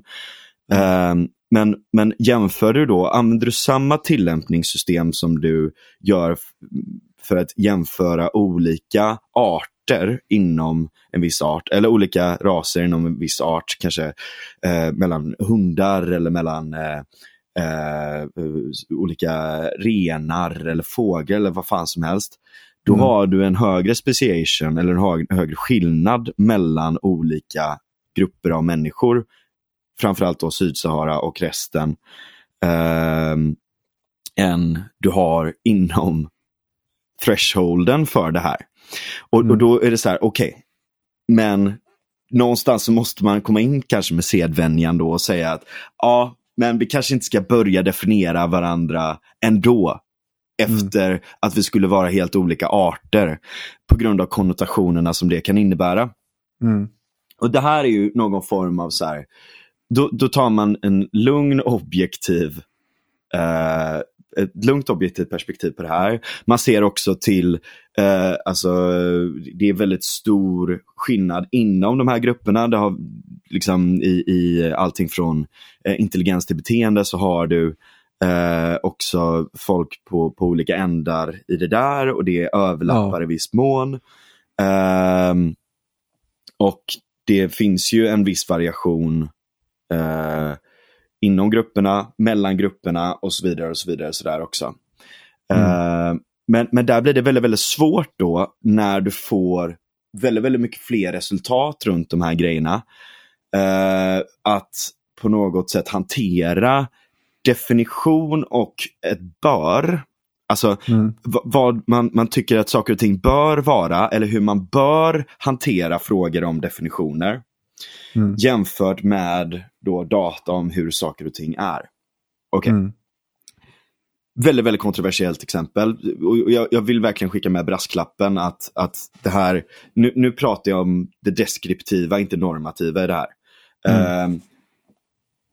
Uh, case nummer två då, mm. uh, om vi går vidare så är det då att om man ser hur eh, rasism har hanterats inom akademin på sistone så har det ju armerats, och å ena sidan kan man säga att det armerades eh, enormt mycket av eh, Hitler. Ja. där. Så det har ju armerats å ena sidan till en extrem innan som var ovetenskaplig och sinnessjuk. Mm. Men nu, nu är det som att pendeln har gått hela vägen åt andra hållet till en punkt där det är också helt sinnessjukt. Mm. Eh, Jag vet inte om du såg eh, det här med, och vi har ju pratat om det här tusen gånger, det här maktstrukturella och man kan inte vara rasistisk mot vita. Alltså hela Mm. det här woke-köret, jag behöver liksom inte dra det igen för att alla har koll på det redan. Mm. Eh, Men jag tycker att det är så fruktansvärt fascinerande vad som händer nu med, eh, på samma tema, judefrågan. Ehm, ja. Ehm, och då helt plötsligt när, när, det är så jävla roligt, det är alltid de som får ta, ta den här smällen. Eh, Mm. För att nu, nu då så har man tillämpat samma rasism i ordets ursprungliga bemärkelse som har varit accepterat att rikta mot vita eftersom att de är förtryckare Mm. har man nu börjat tillämpa på judar också. Och judar Mm. bara, wow, wow, wow, hold up, hold up, hold up. liksom. Inte mot oss, vi skulle göra det mot dem liksom. eh, så här. Eh, men, men, men då kommer man till en så här helt jävla absurd nivå där eh, det finns, ett, eller det finns det här klippet då med Harvard, Ja, ja. MIT och fan är sista Yale eller något sånt där. Ja. Eh, som sitter. Penn Och då frågar hon, är det liksom, är det en, en, en breach of code of conduct? Mm. Eh, Alltså deras mobbing och eh, harassment conduct. Liksom. Exakt, exakt. Mm. På tal om då, eh, vad heter det, eh, vad heter det, eh, sed, sedvänja. Ja, ja, ja. Eh, bryter det här mot eran sedvänja om mobbning och alla de här grejerna. Om man skriker, om man kallar på folkmord av, På judar. På judar. Ja, Och, och de säger så här, ja, nej, det beror på kontext, säger de först då. Och hon bara, men vänta lite nu. Vilken kontext skulle kunna rättfärdiga att man kallar på det här? Nej, men det finns olika exempel. Okej, kan du nämna några exempel? Nej, och det kan de inte göra då. Men alltså, Jag, kan, jag kan nämna ett exempel. om, om, om, det är en sefardisk jude som Ja. är lite mörkare i hyn, då kan det faktiskt vara ett hat. Alltså då kan Precis. det vara en breach. Men om Precis. det är en ashkenazi-jude som, som eh, har sina Ja. rötter i Polen, då, eh, då kan det aldrig vara exakt. Rasism. Eller, Ja, om det är en svart jude, om det är Nation of Islam. Eller vad heter det? Nation of... eh, vad, vad, vad, fan heter de? Heter de Nation inte? of... Nej, inte Nation of Islam. de nej, inte heter- Islam. Ja- Nation of... eh, Ah, vad fan heter de? jo, Is Black Israelites heter de väl? Black, Black Israel. eh, Nation of Islam är en helt annan grej. Black Israelites. De, ja. Ja. Eh, men det, det- såg du dem? Alltså det var så jävla roligt. Alltså, det, så här, nu är det en passus här, men det finns ett klipp på när eh, så här, eh, vad heter det, Black Israelites eh, bråkar med muslimer på gatan och de bara kastar så jävla racist shit på varandra att det är helt sjukt. Eh, de, ja, det, det, det är en helt bisarr konflikt. Men hur, ju- hur blir det där? För att de kan ju inte per definitionen som är rådande av rasism inom Vara akademin rasistiska mot varandra. De kan Ja. ju inte vara rasister, för de sitter inte på makten i Nej, USA. Nej, nej, Så exakt. hur fan blir det då liksom? Nej, jag, vet- jag vet inte, det är jävligt krångligt. Och har inte det här det är ordet det här top-down-systemet liksom. Ja, men har inte det här ordet då omdefinierats till en helt värdelös definition som inte är applicerbar i typ några fall? Ja. alltså, det är bara väldigt specifika fall där det går att applicera det. Och är det verkligen ett bra, en bra utveckling för begreppet rasism? Nej, nej, exakt. Det är, det är Det inte bra överhuvudtaget. Liksom. Mm. Eh, men, men vad som händer då är, eh, liksom, de sitter där och till slut så säger en så här, ja, Ja men okej då, men eh, om... och de, de, de ska, det är liksom tre stycken kvinnliga företrädare, allting känns och, och, och, och återigen väldigt zeitgeist. Liksom. Det är en Mm. väldigt, väldigt upprörd kvinna som, som bryter, liksom så, så här, som, som inte nästan kan hålla sig från att gråta när hon frågar ut dem. Och de Ja. här tre girlboss-kvinnorna som sitter där, och, tjej-Hitlers, som sitter, jävla liksom, Barbie Nürnberg-variant. Liksom. Eh, och, och säger då att så här, ja nej men om det går från ord till handling. Och hon bara, vad fan säger ni? Så okej, okay, om de faktiskt börjar folkmörda folk. Det, hon skrattar ju inte åt det här, det är jag som skrattar åt det. Uh, men, men om, så, okay, så nu menar jag att om ord går till handling och de faktiskt börjar, börjar folkmörda folk, då är det en breach of conduct. då är det yes, inte bara en breach of conduct true. jag meddela. Det är en ganska breach av ganska många saker. Eh, som eh, kanske inte, då kanske inte Harvards breach, alltså conducts eh, är relevant längre. Ja, eh, nej. ja. Eh, och här kan man Folkmord se det. Är ju liksom inte tillåtet. inte ens enligt sedvänja. nej, nej, enligt internationell rätt så får du inte folkmörda folk. Mm. Det, det, är inte okej. Okay. Ja, men om det är min kultur att, nej men, eh, det, men det här, det här, här, här, ser man verkligen, du vet, de har, de tror att de har kommit på världens bästa system för det här. Mm. Så de kan utnyttja hur mycket som helst för eh, att avancera sin egen ideologi som är eh, någon form av kultur socialism. Mm. Uh, och, och, och, en idé om utjämning mellan olika grupper och tredjevärldism och hela det här köret. Och de tänker att så här, yes, we're set. Liksom. Men mm. sen då, så, så, och, och de, de har tagit över så stora delar av akademin att det här har blivit någon form av konsensus på ett bisarrt sätt. För att folk, mm. som du säger, förstår kanske inte riktigt de tänker det... inte steget längre i, vad, vad, innebär det här då egentligen? Det här är en jävligt dålig regel, regeln om reglerna. Utan är, det inte, det blir bara, är, det inte, ja. är det inte väldigt roligt att de här människorna som är så extremt toppstyrda, alltså de tänker så extremt hierarkiskt. Eh, det de gör, det är att på något sätt ta över ordboken. Exakt. vi, vi får ja, men Det är lingvistisk entrism. Ja, exakt. Och då ja. är det liksom så här, det de tror då, det är att om de skriver i ordboken att rasism är, det betyder det här. Då kommer det få den betydelsen ja. bland folket i gemen. Ja. Och det funkar inte så, ditt jävla pucko. Det kommer Nej, aldrig, det, det, är absolut normerande till en viss grad. Det är ju en del av kulturen att, att uh, skriva en ordbok och det kommer ha en viss effekt såklart. Uh, men det kommer aldrig nödvändigtvis kunna styra hur människor uppfattar ordet rasism. Du kommer Nej. inte kunna styra det på det sättet. Det kommer Exakt. vara extremt svårt i alla fall att göra det på det sättet. Exakt. Eh, så att eh, det är så gulligt att de försöker. Liksom. ja, nej men precis. Men, och, och det, det, är... Precis, det, det, är gulligt och eh, skräckenjagande på samma gång. För att det är ja. så här, nej, det är bestämt att det betyder så här nu så du får inte säga emot det. ja, men okay, jag, jag, jag håller inte med liksom, bara, ah! Du vet så här, hur fan kan du inte göra det? Alalalalala, alalala. Ja, men det här är ju, de har en teori liksom och den, då verkligheten anpassa sig efter den, tror du? Ja, och nu har vi bestämt att det är så här och så står de med, med händerna i kors här. Eh, ja. eh, eller armarna i kors. Eh, men det, det, är så här. Eh, och, och, och, och, så blir det, du vet, den här att de, de är så jävla stolta och, och narcissistiska över sig själva och, och, och känner, och de, de tror ju att de är Gud. Liksom. De är så här, ja. vi är administratörerna av Edens lustgård där mm. eh, lejonen och fåren ska gå sida vid sida. Eh, och eh, alltså det är som en kleresi på något sätt, alltså en, en, en, en ett prästerskap mm. kring den här eh, konstruktionen av Edens lustgård och bara, eh, bara man önskar, alltså lite sola fide så här, bara vi ändrar alla definitioner runt det här så att vi pratar på ett sätt som är rättvist så, så kommer allting bli rättvist.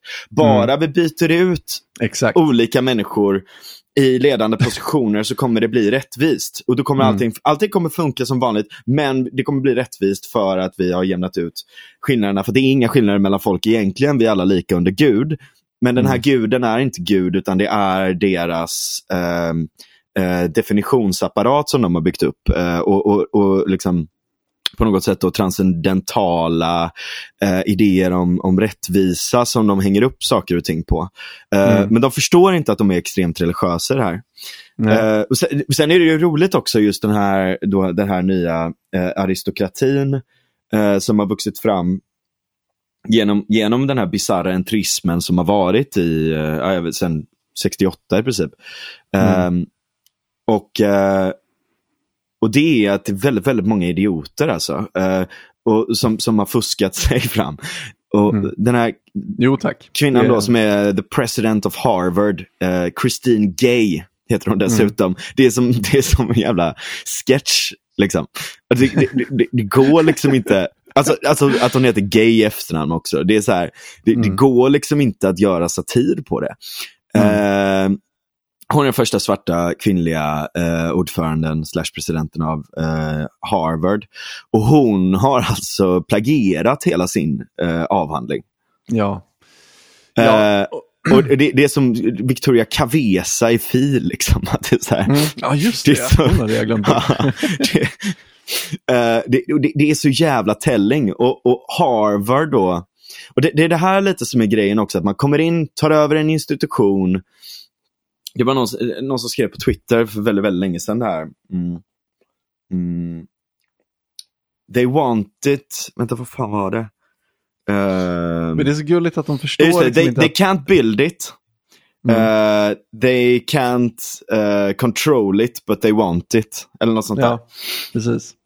Ja, men de förstår ju liksom inte att, att, att Harvard är en, en vad, ska man, vad ska man säga, det är en organisk framväxtinstitution.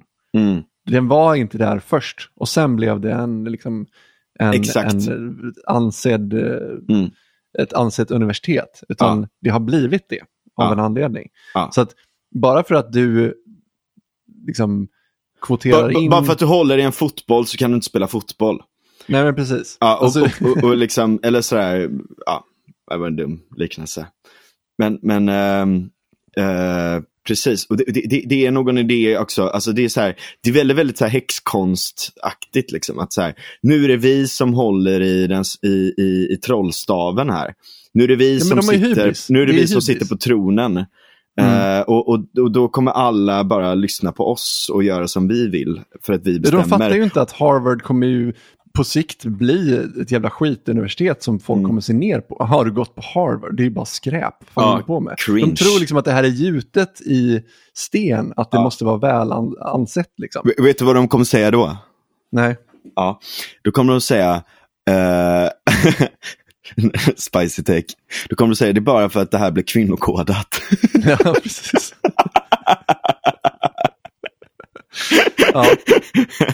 Och så med våld försöker de få dig att erkänna att det här är ett bra universitet. Ja. För har Exakt. du bara sagt det, då kommer det bli så. Ja. Håller alla med om det, då kommer det bli så. Eh, precis, Även om de egentligen inte håller med. Bara, de behöver inte hålla med om det, men så länge de säger det och att ja. de agerar därefter, då kommer det bli så. Ja. ja. Häxor. Häxor. Såg du den bilden på Såg du den bilden på Magdalena Andersson, Nooshi och Märta Stenevi? Vi återkommer till Nobel. Åh oh, gud. Jag, jag, jag, måste lära mig att hålla käften alltså. Ja. nej men, nej, men det är, uh, alltså, det, någonstans med det här så, så måste man ju liksom förstå att det, uh, det, det finns finns liksom, definitioner är ju någonting som är ett medium mellan verkligheten och um, um, alltså sinnet och verkligheten mm, på något precis, sätt. Exakt. Det är ett um, sätt för oss att försöka förstå vad som händer. Ja, alltså, och, det, det, det, det, är kartan. Ja. Vi, vi behöver en karta för att förstå hur terrängen ser ut. Ja, precis. Men det är inte terrängen. Mm. Det är bara ett sätt för oss att försöka förstå terrängen. Ja, precis. Ja. Jag menar, du kan komma undan med att försöka måla om kartan några gånger. Men till mm. slut så kommer folk bara, den här kartan stämmer ju inte. Exakt. Precis. Och där, där handlar det om att liksom, de har ju weaponizat det här skitmycket, men de har overextendat. Mm. Alltså de, de har gått så långt nu att folk börjar se att, så här, men vänta lite nu. Ni är ju helt fulla av skit. Mm. Problemet är bara att de har lyckats orsaka så otroligt mycket skada att eh, eh, vissa saker kanske inte går att reparera. Men det är det som är problemet, tror jag. Alltså att, att, som jag var inne på tidigare, att reaktionen mot det här, det är liksom att ta ifrån dem kartan och sen rita om den som jag vill ha den. Ja. Det, det, reaktionen emot det här har hittills i alla fall inte varit att, ja men vänta nu, vi måste ju, vi måste ju faktiskt, eh, kartan måste ju stämma överens med terrängen. Ja. Alltså, men där gav Argentina mig en liten sån eh, hopp om att Ja. fan, kanske vi kommer se eh, Kanske till och med Hans Herman Hopp. Nej, jag ska bara. ja, precis. jag skojar. Vilken... Alltså du är så jävla... Ja, ja men verkligen. Bra poäng. Ja. Eh, nej men där såg jag, där, det gav mig lite Hans Herman Hoppe om eh, att vi kanske kommer få en motreaktion mot det här också. En tredje motreaktion. Eller en andra motreaktion, en, en, en tredje väg så att säga. Som är mer att fan, vi måste, vi måste rita om kartan så att den stämmer överens med terrängen så att vi vet vad fan vi håller på med. För det är Ja. det poängen med en karta. Mm. Eh, och sen, sen vet man ju inte, alltså jag, jag är spänd eh, och nervös över hur det ska gå för Argentina. Han har ju saxat en alla tredjedel av alla eh, anställda i staten nu. Vad sa du? att- Han har ju saxat en tredjedel av alla Ja. anställda i staten. Just det.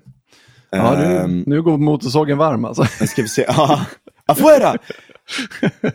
Jag ska se, vänta, jag, jag- har en bra sammanfattning här. Jag måste bara gå in och hitta den. Mm. Eh, det kan ju vara kul att ta upp faktiskt. Jag har en till poäng sen eh, också. Ja. Eh, men här då.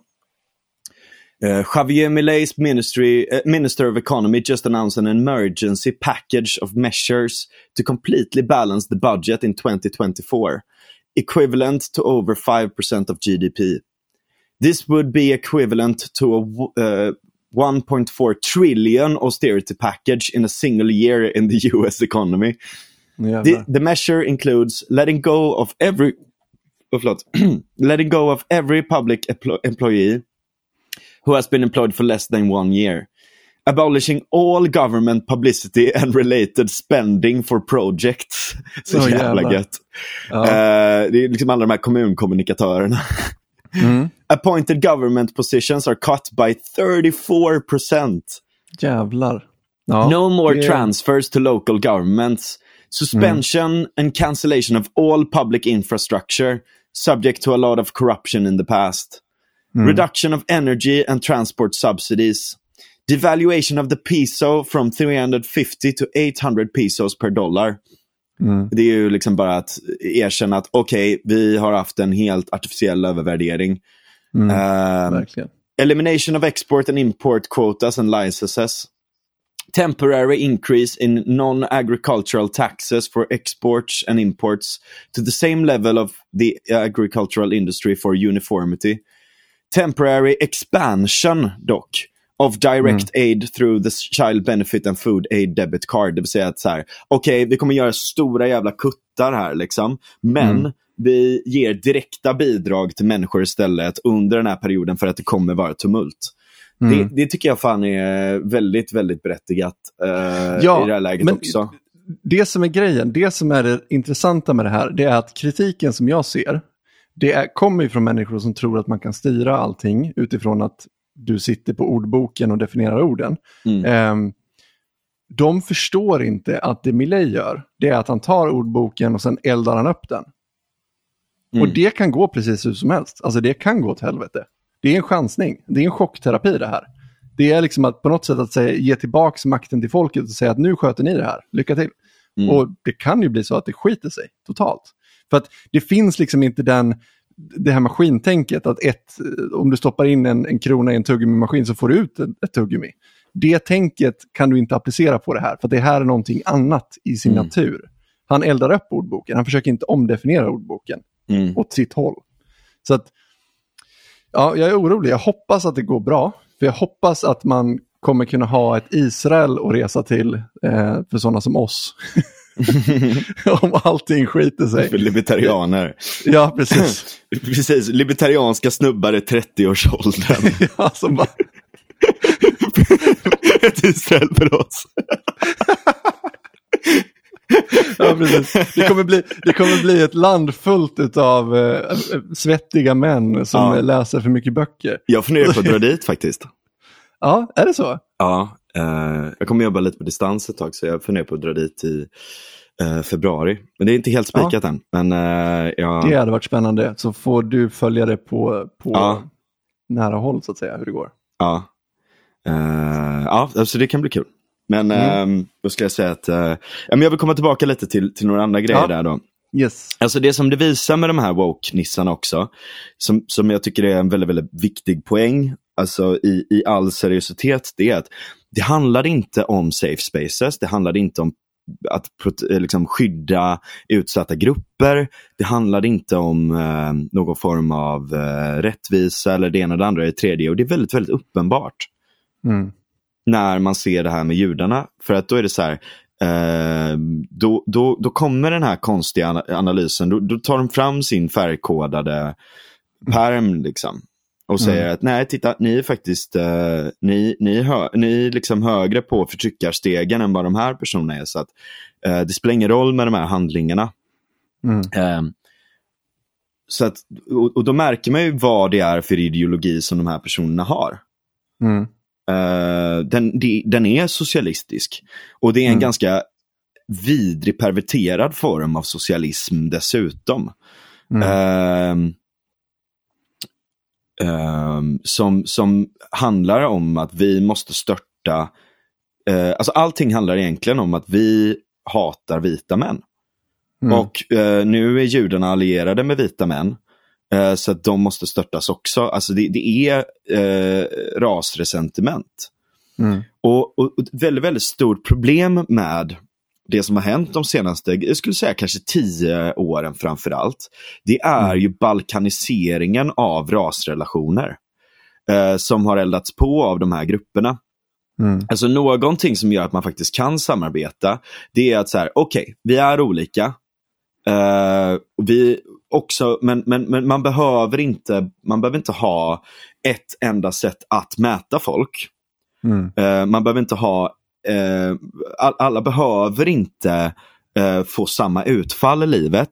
Utan så länge folk har det gött och kan enas om en gemensam transcenderande vision om eh, ett land, om, eh, eh om till exempel USA i formen av the American dream eller ehm, Mm det, eller, eller Sverige i form av nationen Sverige och kungen. Och I viss mån, om man inte måste älska kungen så kan man ändå se att allting handlar inte bara om konflikten mellan högern och vänstern. Det handlar också om Sverige. Det finns en metafysik av Sverige som man kan binda sig till också, som står Mm. över det praktiska.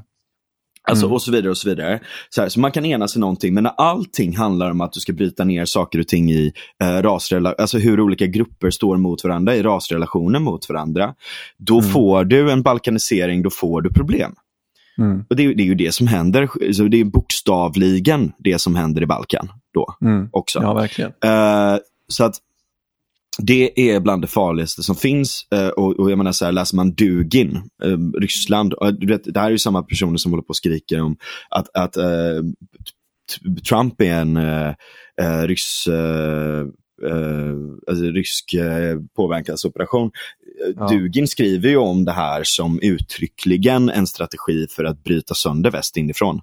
Mm. Är det så Ehm, alltså? ja. Mm. Ehm, och dessutom så kan man gå in då på kombinationen av det plus hög invandring. Mm. Eh, USA har ju en extremt eh, eh, porös gräns nu också. Det är Mm. extremt hög invandring och de gör inte så mycket åt det. Mm. Det liknar ganska mycket det som sker i, i Europa. Och om, alltså, den, här den här kombinationen då av hög invandring, de ska få samma utfall Mm. och de ställs som grupp i relation mot vita hela tiden. Mm. Eh, och så vidare och så vidare. Skapar ju, det leder ju fram till, för alltså det är rent spelteoretiskt. Känner du till Fångarnas dilemma? Ja, men ja, just det. Ja. Alltså om vi säger så här, eh, och, och, och, man, man, man kan egentligen bara se, se det så här typ. eh, I i eh, neutrala termer eh, du kan välja mellan eh, 0, 3 och 5. Eller rättare sagt, Mm. det skiter i 0 för det väljer man inte. Men du kan välja mellan 3 och 5. Mm. Eh, du är två stycken spelare och du kan välja mellan 3 och 5. Om båda väljer 3 Mm. ehm, så får båda 3. Mm. Om båda väljer 5 så får ingen någonting. Mm. Och om en väljer 5 och en väljer 3, då får den som väljer 5 det. Mm. Det vill säga att du, det finns... Och den alltså- som väljer fem får fem och den som väljer tre får tre då? ja, nej, nej, den får 0. Den som väljer 3 Ah, får okej. 0 då. Då tar den allt. Mm. Och den Så som att- väljer fem får fem? Precis, så att, så att alltså, totalsumman blir högst när, eh, när båda väljer 3. Det Men är ett nollsummespel du beskriver. Det är ett nollsummespel, precis. Men när Ja. en väljer 5 och den andra väljer 3, då tar 5 allting. Mm. Så. Och, och det, kan man, det kan man ta in på olika grejer. Ekonomin Mm. är inte ett nollsummespel. Mm. Men när det kommer till staten och hur man ska fördela privilegier och pengar i staten så är det mer av ett nollsummespel. Ja. Och om du då har ett sånt spel som du konstruerar där alla andra minoritetsgrupper har rätt att få välja fem hela tiden. Det vill säga ska få de här olika privilegierna. Och eh, eh, majoritets, eh, den vita majoritetsbefolkningen hela tiden av liksom god eh, vilja ska välja tre hela tiden, då bygger du till slut upp ett resentiment mot Mm. att varför ska jag jobba röven av mig för att ge så jävla mycket till de här personerna? Kanske också i ett läge där eh, de här grupperna har en helt annan kultur där de inte bidrar tillräckligt mycket och sådär också. Liksom. Mm. Ehm, det kan vara affirmative action, det kan vara ehm, det kan också bara vara rena transfereringskostnader. Eh, det vill säga att en grupp inte jobbar eh, och eh, blir försörjd av en annan grupp och så vidare och så vidare och så vidare. Det är ett recept för dåliga relationer mellan olika, och nu, nu använder jag ras eh, i den eh, alltså, br- amerikanska eh, termen av det. Mm, Alltså nu menar jag mm, inte ras så liksom, men, men eh, det, det är eh, då får du en jävligt stor problematik mellan de här grupperna. Du eldar på det. Mm.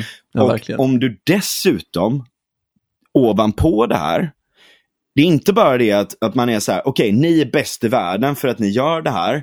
Och ni är så jävla schyssta och ni är så jävla, ni är de snällaste, bästaste människorna i hela världen. Utan om du dessutom eldar på att de är fruktansvärda människor som står för allt förtryck och ont i hela världen. Så kommer Mm. du till en punkt där man bara så här, okej, vänta lite nu. Jag är alltså värst, den värsta människan i hela världen uppenbarligen. Trots att det Mm. är jag som sliter röven av mig för att ge bort alla mina pengar till de här andra grupperna. Som Mm. inte jobbar, som har högre eh, liksom, kriminalitet. Eh, som inte kan bete sig kanske i, i offentligheten alltid. Och du vet så här, det är inte nödvändigtvis så att det alltid är så. Men om du hela tiden pushar på de här grejerna och eh, primar folk att tänka de här banorna, då kommer Mm. du, då kommer du så här, okej men är jag verkligen värst? Nej, jag, Mm. det är jag fan inte. För att jag kommer på dem, jag kommer ihåg de här, de här, de här, de här gångerna. Jag skulle aldrig göra något sånt, Mm. tänker folk då. Mm. Så att du eldar på det här som fan. Ehm, och, och det blir ju extra tydligt också då när du har det. Och det här är det sista kontroversiella begreppet som, som jag vill gå in på. Återigen, brasklapp, deskriptivt. Jag tycker att det är jävligt viktigt att vi, att vi diskuterar de här sakerna på ett, ett, ett liksom lugnt och sansat sätt. För jag är lite rädd som sagt över reaktionen som kan komma om vi inte gör det. Ja, precis. Ehm, och det är det här begreppet folkutbyte. Ehm, Mm. Och vissa, alltså så här, man kan, tolka, eh, man kan tolka det här begreppet funktionalistiskt. Vad betyder det exakt? Jo, det betyder att folket byts ut i ett land helt enkelt. Mm. Eh, man kan också tolka det eh, utifrån delvis vart det kommer ifrån och ehm, det, eh, I början så, kom, så är det ganska neutralt.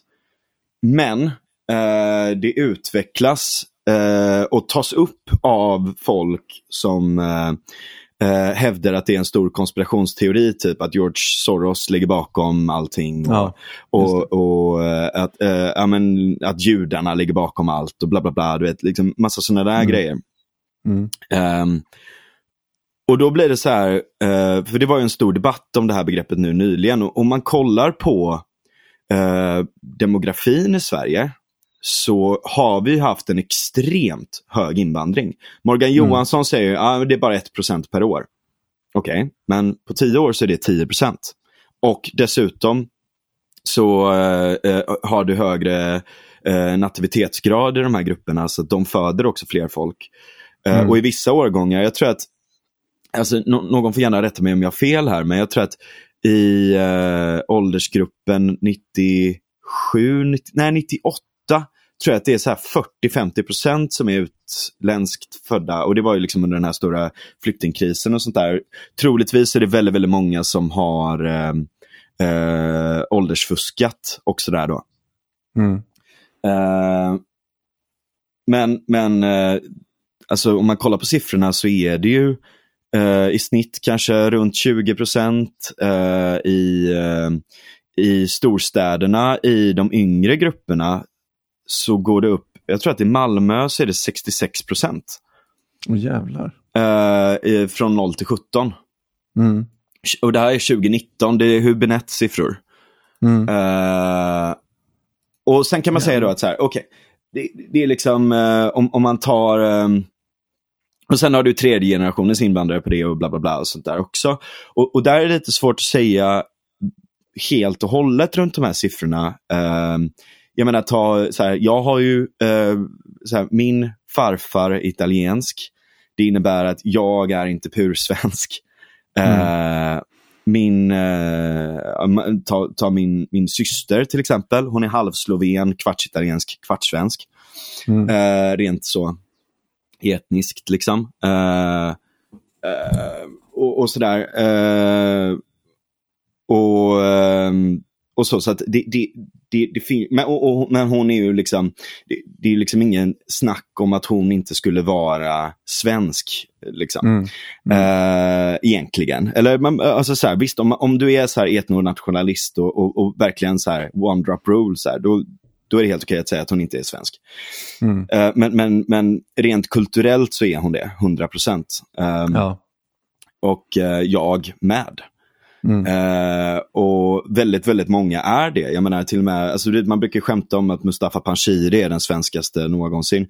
ja, Eh, sen är det vissa som blir skitsura när man säger en sån sak. Men, men så här, eh, eller Thomas Gyr till exempel också. Eller, du vet, så här, det finns Ja. ju de här personerna som, som är det. Och så finns det också, liksom, om man tar inom Europa, det, det är inte så jättestor kulturell skillnad. Eh, och så vidare och så vidare. Men, och det, det, det är ju knappast problemet, folk som kommer hit och är super eh, och, och liksom gillar våran kultur och kanske till och med hjälper oss ibland att komma ihåg lite, vad är våran egen kultur? Så Mm. kan det ju faktiskt vara. Jag menar, ta när britterna kommer till Indien och återuppväcker sanskrit. Liksom. Mm. Eh, ibland kan det liksom, hjälpa att ha utomstående betraktare som, som, som revi- revi- revitaliserar vissa traditioner som nästan glöms bort. Liksom. Ja. Eh, och, och det är inget problem med att ha en viss pluralitet i allmänhet, men däremot så är det ett problem långsiktigt om, ehm, om, om, om de som kommer hit ehm, blir en tillräckligt stor kritisk massa att du kanske får en annan sedvänja Mm. som blir majoriteten. Eller, att, eh, eller att de som faktiskt är inhemska svenskar, eh, eh, antingen etniskt eller kulturellt, eller både och, eh, hamnar i en minoritet där staten till slut då kan användas mot dem. Mm. Eh, som, alltså, att staten inte går i deras intressen överhuvudtaget, utan i andra gruppers intresse som har kommit hit. Mm. Eh, och jag, eh, det, det måste man kunna prata om eh, som eh, ett eventuellt problem långsiktigt för Sverige. Ehm, Ja, det det är ju det. det är ju, och man ska passa sig tror jag också från att hamna i det här maltusiska tänket att, att vi ser en riktning just nu. Mm. Ehm, och sen utgå från att allting kommer följa samma mönster tills det har blivit liksom ett helvete. Eh, det behöver inte alls bli så. Det kan, eh, för framtiden är alltid oförutsägbar. Det kan bli någonting helt annat av det. Såklart. Eh, men, men det i sig gör ju inte att... För jag menar, vi kan ju bara utvärdera där vi står just nu och, och dit tangenten pekar så att säga. Och Mm. är det dit tangenten pekar då måste vi kanske prata om hur fan, hur ska vi hantera det här om shit, alltså om worst comes to worst. Mm. Ehm, så att, ja, ville bara flika in det. Nej men det är verkligen, verkligen. Mm. Eh, alltså man kan ju se att så här, eh, nativitetsgraden sjunker ju också för eh, många grupper när de kommer och eh, blir medelklass i Sverige. Mm. Men eh, problemet tror jag kommer, och det här har eh, Hanif varit inne på skitmycket, eller God ton i allmänhet har varit inne på det här jättemycket. Jag kan rekommendera faktiskt att lyssna igenom dem. Eh, för Ha- Hanif har helt rätt om nätverksdynamiken där, det vill säga att om du har, alltså säg, säg att det finns Um, ponera att det finns en kritisk massa. Det här är liksom, det, det är svårt att säga exakt. Men, men nu, nu jobbar vi med, med eh, Bayesiansk killinduktion här. Eh, säg, att, säg att vi har en, en viss kritisk massa eh, i ett nätverk där eh, du får avknoppningar av kluster som inte vill assimileras i det stora nätverket. Mm. Eh, det vill säga att eh, om du har tillräckligt många personer i en klass som inte är svenskar Mm. eh, så kommer det vara svårt att, för även om det kanske är en majoritet svenskar, att ha en assimilativ effekt på dem.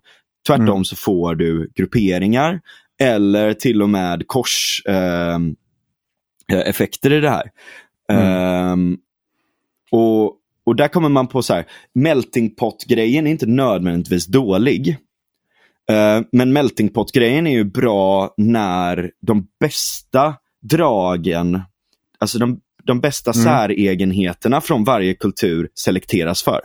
Mm. Precis. Alltså någon form av eh, eh, EU, EU-memetik, alltså EU-gen- eugenik fast EU-memetik. Liksom.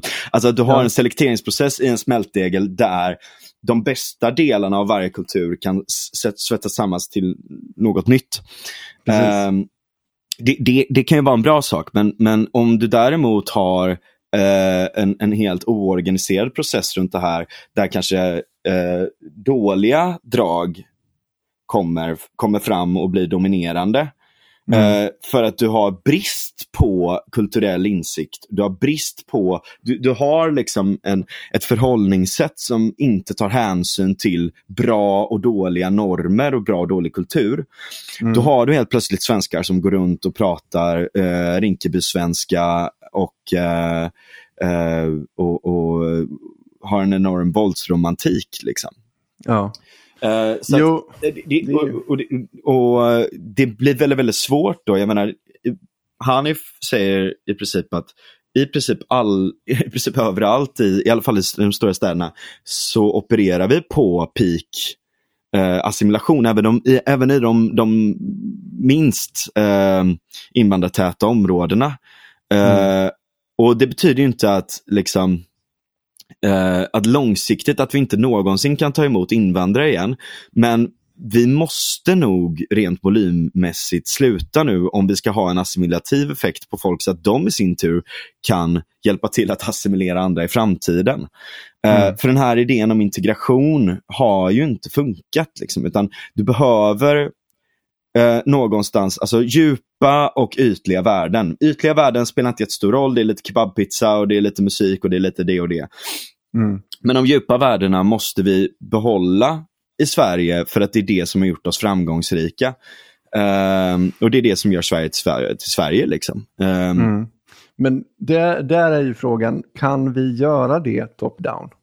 Eller Ja. kommer vi behöva... För det, det, det, det är Men det här som är inte en top-down-process. Eh, om, om, om, Nej. grejen är att så här, du, det blir en top-down-process när du försöker göra det genom staten och det har inte funkat så jävla bra. Utan det måste precis. vara en bottom-up-process. Men för att det ska kunna vara en bottom-up-process så, så går det inte att ha för stora volymer för att då får du en kluster, eh, klusterifiering i nätverken. Avknoppningar helt enkelt och sådär. Precis. Men det är därför jag inte Alternativt gillar... för mycket noise eller för mycket eh, Ja. korskommunikation. liksom. Men, men den här andra vägen som vi pratar om, alltså Mm. det här med de, jag skulle vilja kalla det de, de konservativt progressiva, eller de progressiva konservativa. Mm. eh, alltså det här att man ska, ja men till exempel en sån sak som återvandring till exempel. Mm. Alltså, jag tror inte på den idén av den anledningen att kultur kan du inte styra uppifrån. Du kommer inte kunna rätta till det här om du tycker att det här har varit felaktigt styrt uppifrån genom att styra det uppifrån. Du Mm. måste, vi måste tillåta kultur att formas framöver. Och då, alltså, det, det kommer kanske inte vara pursvenskt som pur, det pursvenska har varit nu. Nej, men det är ju, det, är- alltså, det, det, Det- det, är lite borta. det här, alltså, det, det, är ju tyvärr aska nu. eh, och det, det går liksom inte att... eh, Nej, det, det kommer behöva växa fram någonting Ja. nytt av det här. Eh, Vad det kommer bli, det får visa sig och förhoppningsvis så blir det, så blir det bra. Men, Ja. eh, Eller tyvärr, det, det, det lät som ett väldigt starkt ord. I, ja, i, ja, men, alltså, men liksom på gott om och man ont. Tycker att, ja. om, man, om man tycker att, att det är tråkigt att Sverige inte ser ut som det gjorde 1955 längre, Mm. så, så får man nog kanske äta upp det pillret. Sverige kommer aldrig se ut som det gjorde 1955. Vi kommer aldrig komma åter, kunna återgå till det, hur Nej. vi, mycket vi än försöker uppifrån. Utan eh, den enda chansen vi har framåt, det är den här tredje vägen då. Mm. Att elda upp ordboken och se vad som händer och hoppas att det blir bra. det är tyvärr. Och det är en, det är en så extremt osexig, en svår tanke att sälja in. Mm. För att folk vill alltid ha kontroll över ordboken och bestämma hur folk ska prata. Mm. Men det är tyvärr den enda rimliga vägen framåt, som jag ser det. Alltså, svårt att se det på något sätt. Mm. Och därför ger Milla i mig lite hopp att det finns människor som vill elda upp ordboken där ute. Hoppas vi kan komma dit också här i Sverige. Mm. Ja, verkligen. Det, eh, God, I have seen what you have done for others. ja, precis. ja, Ja, nej men jag, jag hoppas verkligen också att det går bra. Mm. Eh, för att jag tror att grejen är att om han lyckas visa det i Argentina eh, och lyckas faktiskt få någon effekt av det där så tror jag att det kommer få svallvågor över hela världen. Alltså framförallt det. Europa som bara, oj, vänta lite nu. Kan vi sparka Mm. alla de här jävla kommunkärringarna? ja, det hade varit något. Ja. Ehm, nej men jag, jag, jag tror också att så här, men ord är skitbra, men man, man får liksom inte riktigt fastna helt och hållet i dem. Eh, nu är det jag som är postmodernist. Uh, nej men, eh, det, det blir väldigt, väldigt farligt när de weaponizas för mycket. Eh, och då, då måste man... eh, nej, men man, nej, men man måste liksom på något sätt kritiskt granska hur, hur orden används. Liksom. Eh, Mm. och vänstern har blivit mästare på det här. Alltså, det är många som säger att de är postmodernister och att de är helt relativistiska och bla bla bla. bla, bla. Men de, jo, den perioden är long gone. Liksom. Sen insåg Mm. de att så här, oj vänta, vi kan bli aktivister. Vi kan Mm. bli entrister. Vi kan använda det här. Mm. Precis. Det är liksom, det, det är mer Gramsci än det är liksom någon form av flummig Uh, ingenting spelar någon roll för att det är ju bara ord. Liksom. Det är inte så Mm. vänstern funkar. Eller okej, vissa Mm. gör ju så. Uh, precis. såklart. Liksom. Men, men, men ja, det finns ju liksom den här managerial woke-eliten som uh, ja, självtjänande eliter, som Tocqueville hade sagt. eh, som som eh, måste bort. Liksom. Ja. Ja, återigen ett eh, helt okontroversiellt avsnitt. Eh, Ja. God jul! God jul. Eh, nej, men, nej, men jag, jag tror faktiskt att ehm, jag tycker att det finns en poäng i att ehm, att diskutera de här sakerna på, på ett sansat sätt. Liksom. Alltså att inte gå eh, i taket över, alltså åt ena eller andra hållet. Liksom. För jag börjar också bli lite trött på, ehm, eh, jag börjar också bli lite trött på eh, extremhögern. Eh, ja. I det här också. Alltså det blir väldigt mycket kimpande liksom. Mm. Uh, och, och det, blir så, det blir så jävla primalt till slut att det är bara så här, man bara skriker liksom, ja jävla, du vet så här. Ja. Mm. Man, att man håller på liksom. Det, det, det, det är liksom lite som att ha eh, skinnskallekonferens vid Karl XII staty. Liksom. Det, mm.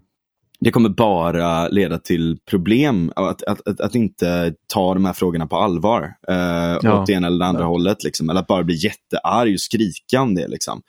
Mm. Uh, Uh, och, och, och, det är liksom, det är en curse som eh, uh, SD uh, eh, och, och, delar av Moderaterna kanske också i viss mån eller vad fan som helst behöver fundera över. Liksom, att så här, låt, inte, låt inte de här jävla idioterna få rätt på samma sätt som de gav er rätt. Mm. Fan, vi kanske skulle ansöka om att elda upp ordboken utanför typ universitetet eller någonting. Ingen hade fattat den. Ingen hade fattat det, men det hade varit jävligt kul. Och när de kommer och intervjuar oss så, så kommer vi med, med så uh, jättelånga komplicerade svar.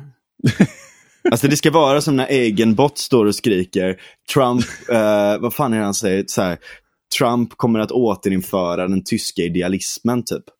Mm. Uh, uh, ska vi se om jag hittar det här klippet, jag skickar det till dig. Det, ska vara, alltså det ska inte vara liksom samma budskap, men det ska vara samma energi. Jag skickar det till dig här så får du lägga till det, så slutar vi med det. Okej. Okay. ja, men tack för idag. ja, tack för idag. I don't believe in democracy. Okay. You know, I believe in Fool, the ancient city, and raising Fool. And I think that Trump is the candidate who's going to raise Fool.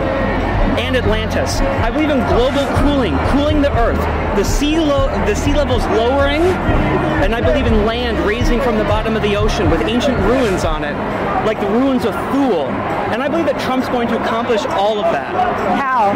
He's going to prove that UFOs exist. The government has known about it for a long time. They've known that the UFOs are out there and that they're trying to communicate with us and that they have secrets about the origins of human consciousness. Are you familiar with the philosopher Friedrich Schelling? Have you read the critical historical introduction to the philosophy of mythology? Schelling is a German idealist philosopher. He was roommates with Holderlin and with Hegel. And he talks about all of this. He predicted it a long time ago. Trump is going to make German idealism real. He's going to complete the system. Kant, he could not complete the system of German idealism. Trump is going to complete the system. He's going to derive the complete system. That was terrifying you, right? That terrifies you, right? It terrifies me. How can we complete the system of German idealism? I hope, I hope we never do. it. I don't know. No one could do it. Hegel couldn't do it. Schelling couldn't do it. Fichte couldn't do it. Reinhold couldn't do it. Maman couldn't do it. No one could complete the system of German idealism. Well, that would be good. It's good that we don't complete it, right? I mean, they almost did in 1933 to 45. They did one. They had a 12 German years. idealism. First critique, published in 1781. Trump is a Kantian. I want this to be clear to everyone here. Donald Trump is a Kantian. He's a German idealist. Wow. Okay? He's a drummer. He's a drummer. Can someone Google that? He's a drummer. He's a German idealist was. Are you um, are you from New York? No, I'm not from New York. Are you? Uh, how old are you? You look really young. Are you? Say.